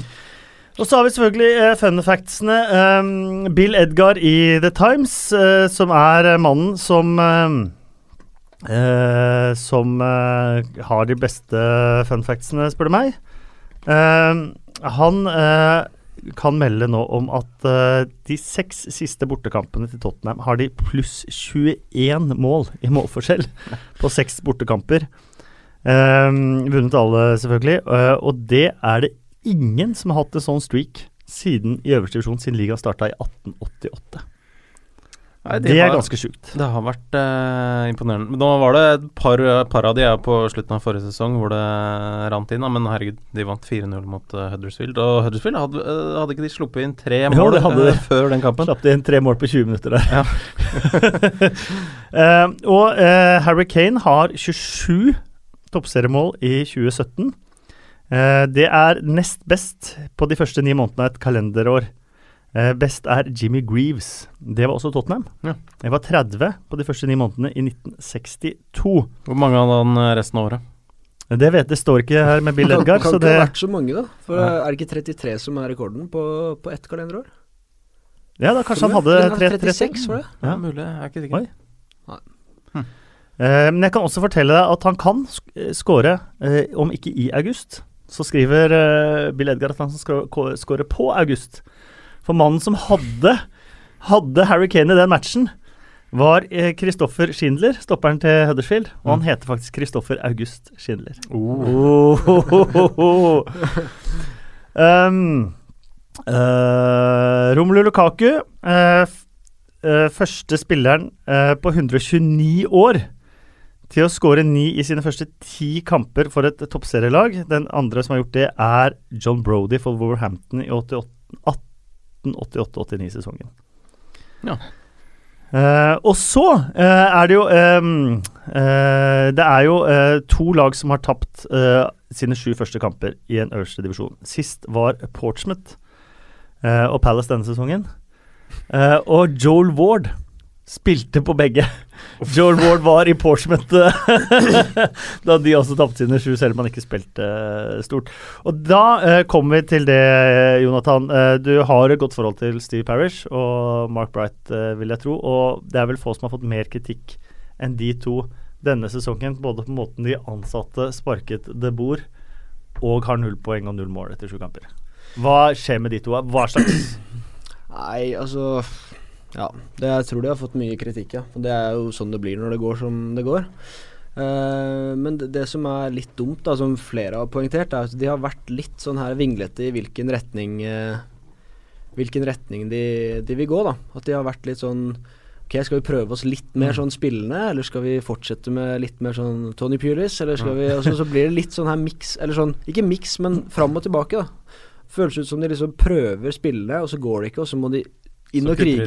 gang, liksom. Ja, så må Ja. inn og krige, og så Ja, nå går det jo fint, da prøver vi å spille litt igjen, og så Nei, går ikke, og så Så det er jo det som har vært litt dumt, da. Og det var vel litt det som var tilfellet òg. Og selvfølgelig å sparke en manager etter etter så kort tid, da, da vil jeg tro at det ikke kun er resultatene, men også i forhold til hele spillergruppa. At det, det ikke har fungert i det hele tatt. Fordi at det, eh, Selv med den dårlige starten Altså det, det var jo ikke det var jo sånn De kunne jo ha vunnet og fått med seg poeng, i hvert fall, fra flere av de kampene. Det var jo ikke sånn at de var helt sånn lost Nei. i de kampene. Uh, så da, da tenker jeg at da må det ha vært noe mer, på en måte. Det må ha vært sånn at, at spillergruppa har gitt, gitt beskjed at det her går Altså et eller annet har bare krasja, da. At ikke det har gått i forhold til sånn som han har lagt det fram, eller at ikke han har klart å få tak på gruppa, rett og slett. Altså. Ja, ja, for man eh, lurte jo litt liksom der på eh, altså etter, etter Pulis og Allardyce, da, da har de liksom brukt opp alle de redningsmennene. Så, men så kom de på eh, gammel Ja, gammel ringrev. Ja. Så kan la teke av cornerne. Ja, ja men, eh, men det må liksom eh, Det må liksom lykkes nå. Ellers, Ja, det må jo det. Ja. Og det Ja. Det har ikke, det har ikke vært Det som er litt dumt, er at det har ikke vært noe særlig sånn Selv om nå har de møtt uh, veldig god motstand. Ja. Men du har liksom ikke sett den herre Noen forandring? Nei, du har Nei. ikke sett at plutselig er det sånn Å, nå ser det vanskeligere ut å score på dem, eller nå altså, Det er liksom, men det er jo ikke det. Du har liksom ikke fått Sånn som når Tony Pulis kom inn med oss, da, som var litt i sånn samme situasjon egentlig, med spillene Ian Holloway, og da ting hadde ikke gått så bra. mm. Så var det liksom første kampene som så du at ok, nå, nå er det vanskeligere å spille mot Trussel Palace. Da. Nå, nå er det Nå er de liksom stramma litt opp, da. Mm. Men jeg føler ikke du har sett det ennå. Og litt sånn når du ser, eh, ser Roy Hodgson eh, etter kampen mot eh, United òg. Så blåser av kampen og har tapt 4-0. Kjempeglis! Og så går han bort til Mourinho og bare gliser. Ja, 'Hvordan går det med deg?' Ja, ja, ja. ja, ja ha-ha, liksom. Og bare sånn Ja, det reagerte jeg også på. Det tenker jeg for, spesielt sånn for supportere Ja. og sånn. Liksom når du ser det der, det er sånn Jeg vet ikke, altså, jeg skjønner ikke helt hva han tenker det. Han er jo Vi kan vel si han er rutinert, så han burde jo kanskje unngå sånne ting. Hvis han skal Ja. få med seg fansen og Han har vel kommet med litt sånn sleivete kommentarer også, eh, som jeg har fått med meg. Litt sånn herre Det kan bli mye verre enn det her, liksom. Ja, men det hadde han jo på en måte rett i òg, da. Det ja, jo, det, det, det skal ikke ta med på det, men eh, det er mer den der stemningen du selger inn. Da er Kommer inn, Det her kan bli mye verre. Ja, men jeg synes, øh, Men jeg tenkte jo også at han var litt sånn pussig etter den England-greia nå. Etter den Island. Det var han også det var sånn, Hvorfor må jeg være på den pressekonferansen her, liksom? Jeg, jeg gir meg. Jeg trekker meg. Det er ikke noe med, har ikke noe med meg det å gjøre lenger, dette. Så da virker det som det er litt sånn Er ikke alltid sånn fintfølende, da. Nei, Det virker som du har litt uh, vanskelig med å se de der små Hvordan det påvirker, liksom. eller Ja, sånn. det er det. Det er litt merkelig. Så, Ja. Gikk jo gjennom de to siste Nei, ikke de to siste, de 17 siste, eller alle sesongene på 2000-tallet i går kveld. Du Og det- Ja. Ja. Og de fem siste sesongene før denne, så har det enten Sunderland eller Coopyard ligget på sisteplass. Etter sju runder. ja. Så det er litt nytt, da. At eh, det er et annet lag enn de to. Det er hyggelig, da. Ja. Det er jo ingen av de som kunne i år. Nei, eh, det er akkurat det. Sunderland gikk jo ned med sisteplass eh, etter at de holdt seg året før. Etter å legge siste. Coopyard ned med sisteplass etter at Sunderland hadde holdt seg året før. Og så gikk Coopyard ned med sisteplass. Ja. Men 12 av 17 lag som har ligget på sisteplass etter sju runder, har gått ned. Ja. Og sju av de tolv har også endt på sisteplass. Ja. Så det ser dårlig ut for Palace. Ja, det gjør dessverre det. Det er jo ikke noe Jeg vet ikke om man kan si det på noe Prøve å vinkle det, liksom, eller noe. Det, det ser jo knalltøft ut, det gjør det. Ja, Men eh, Tottenham, øh, var det ikke det det- var det Tottenham Harry hadde Redknapp, to, uh, poeng, ja. ja. Tok Mhm. over uh, etter åtte kamper, og de hadde to poeng. Det skryter han jo av mange Ja. ganger. Og Var det Juan de Ramos, da? Etter Juan de Ramos, ja. Ja. Og han en eng rutinert engelsk manager, akkurat som det Crystal Palace har nå. Så det her kan også øh, overføres til Palace. De er kanskje født samme år, kanskje? Hodgson og Rednap? Da må jeg google litt. grann. Det er i hvert fall ikke langt unna, tror jeg. Nei, Um, samme Mens eh, du googler, for det blir siste uh, infoen, uh, gå gjerne inn på iTunes og slenge inn en eh, rating hvis du eh, likte det du hørte i eh, dag. Det setter vi eh, stor eh, pris på. Tusen takk for at du kunne komme, Thomas. Jo, er de født samme år? De er født, begge er født i 1947. Oi, oi, oi. ja, nå ser det lyst ut for Crystal Ja, det gjør og Jonathan, utrolig hyggelig å ha deg på besøk. Ja, takk for at jeg fikk komme. Lykke til resten av sesongen med Strømsgodset. Takk for det. Og så eh, er det landskamppause, så det kommer ikke noen runde til helga. Men jeg kan fortelle at vi kommer med podkast neste uke, og da er Jon Arne Riise Mhm. gjesten som vi skal uh, ha her. Og da får vi sikkert også noen uh, Kanskje ikke om Mick McCarthy, men om uh, andre, andre managere. så ha en flott eh, fotballuke selv uten Premier League.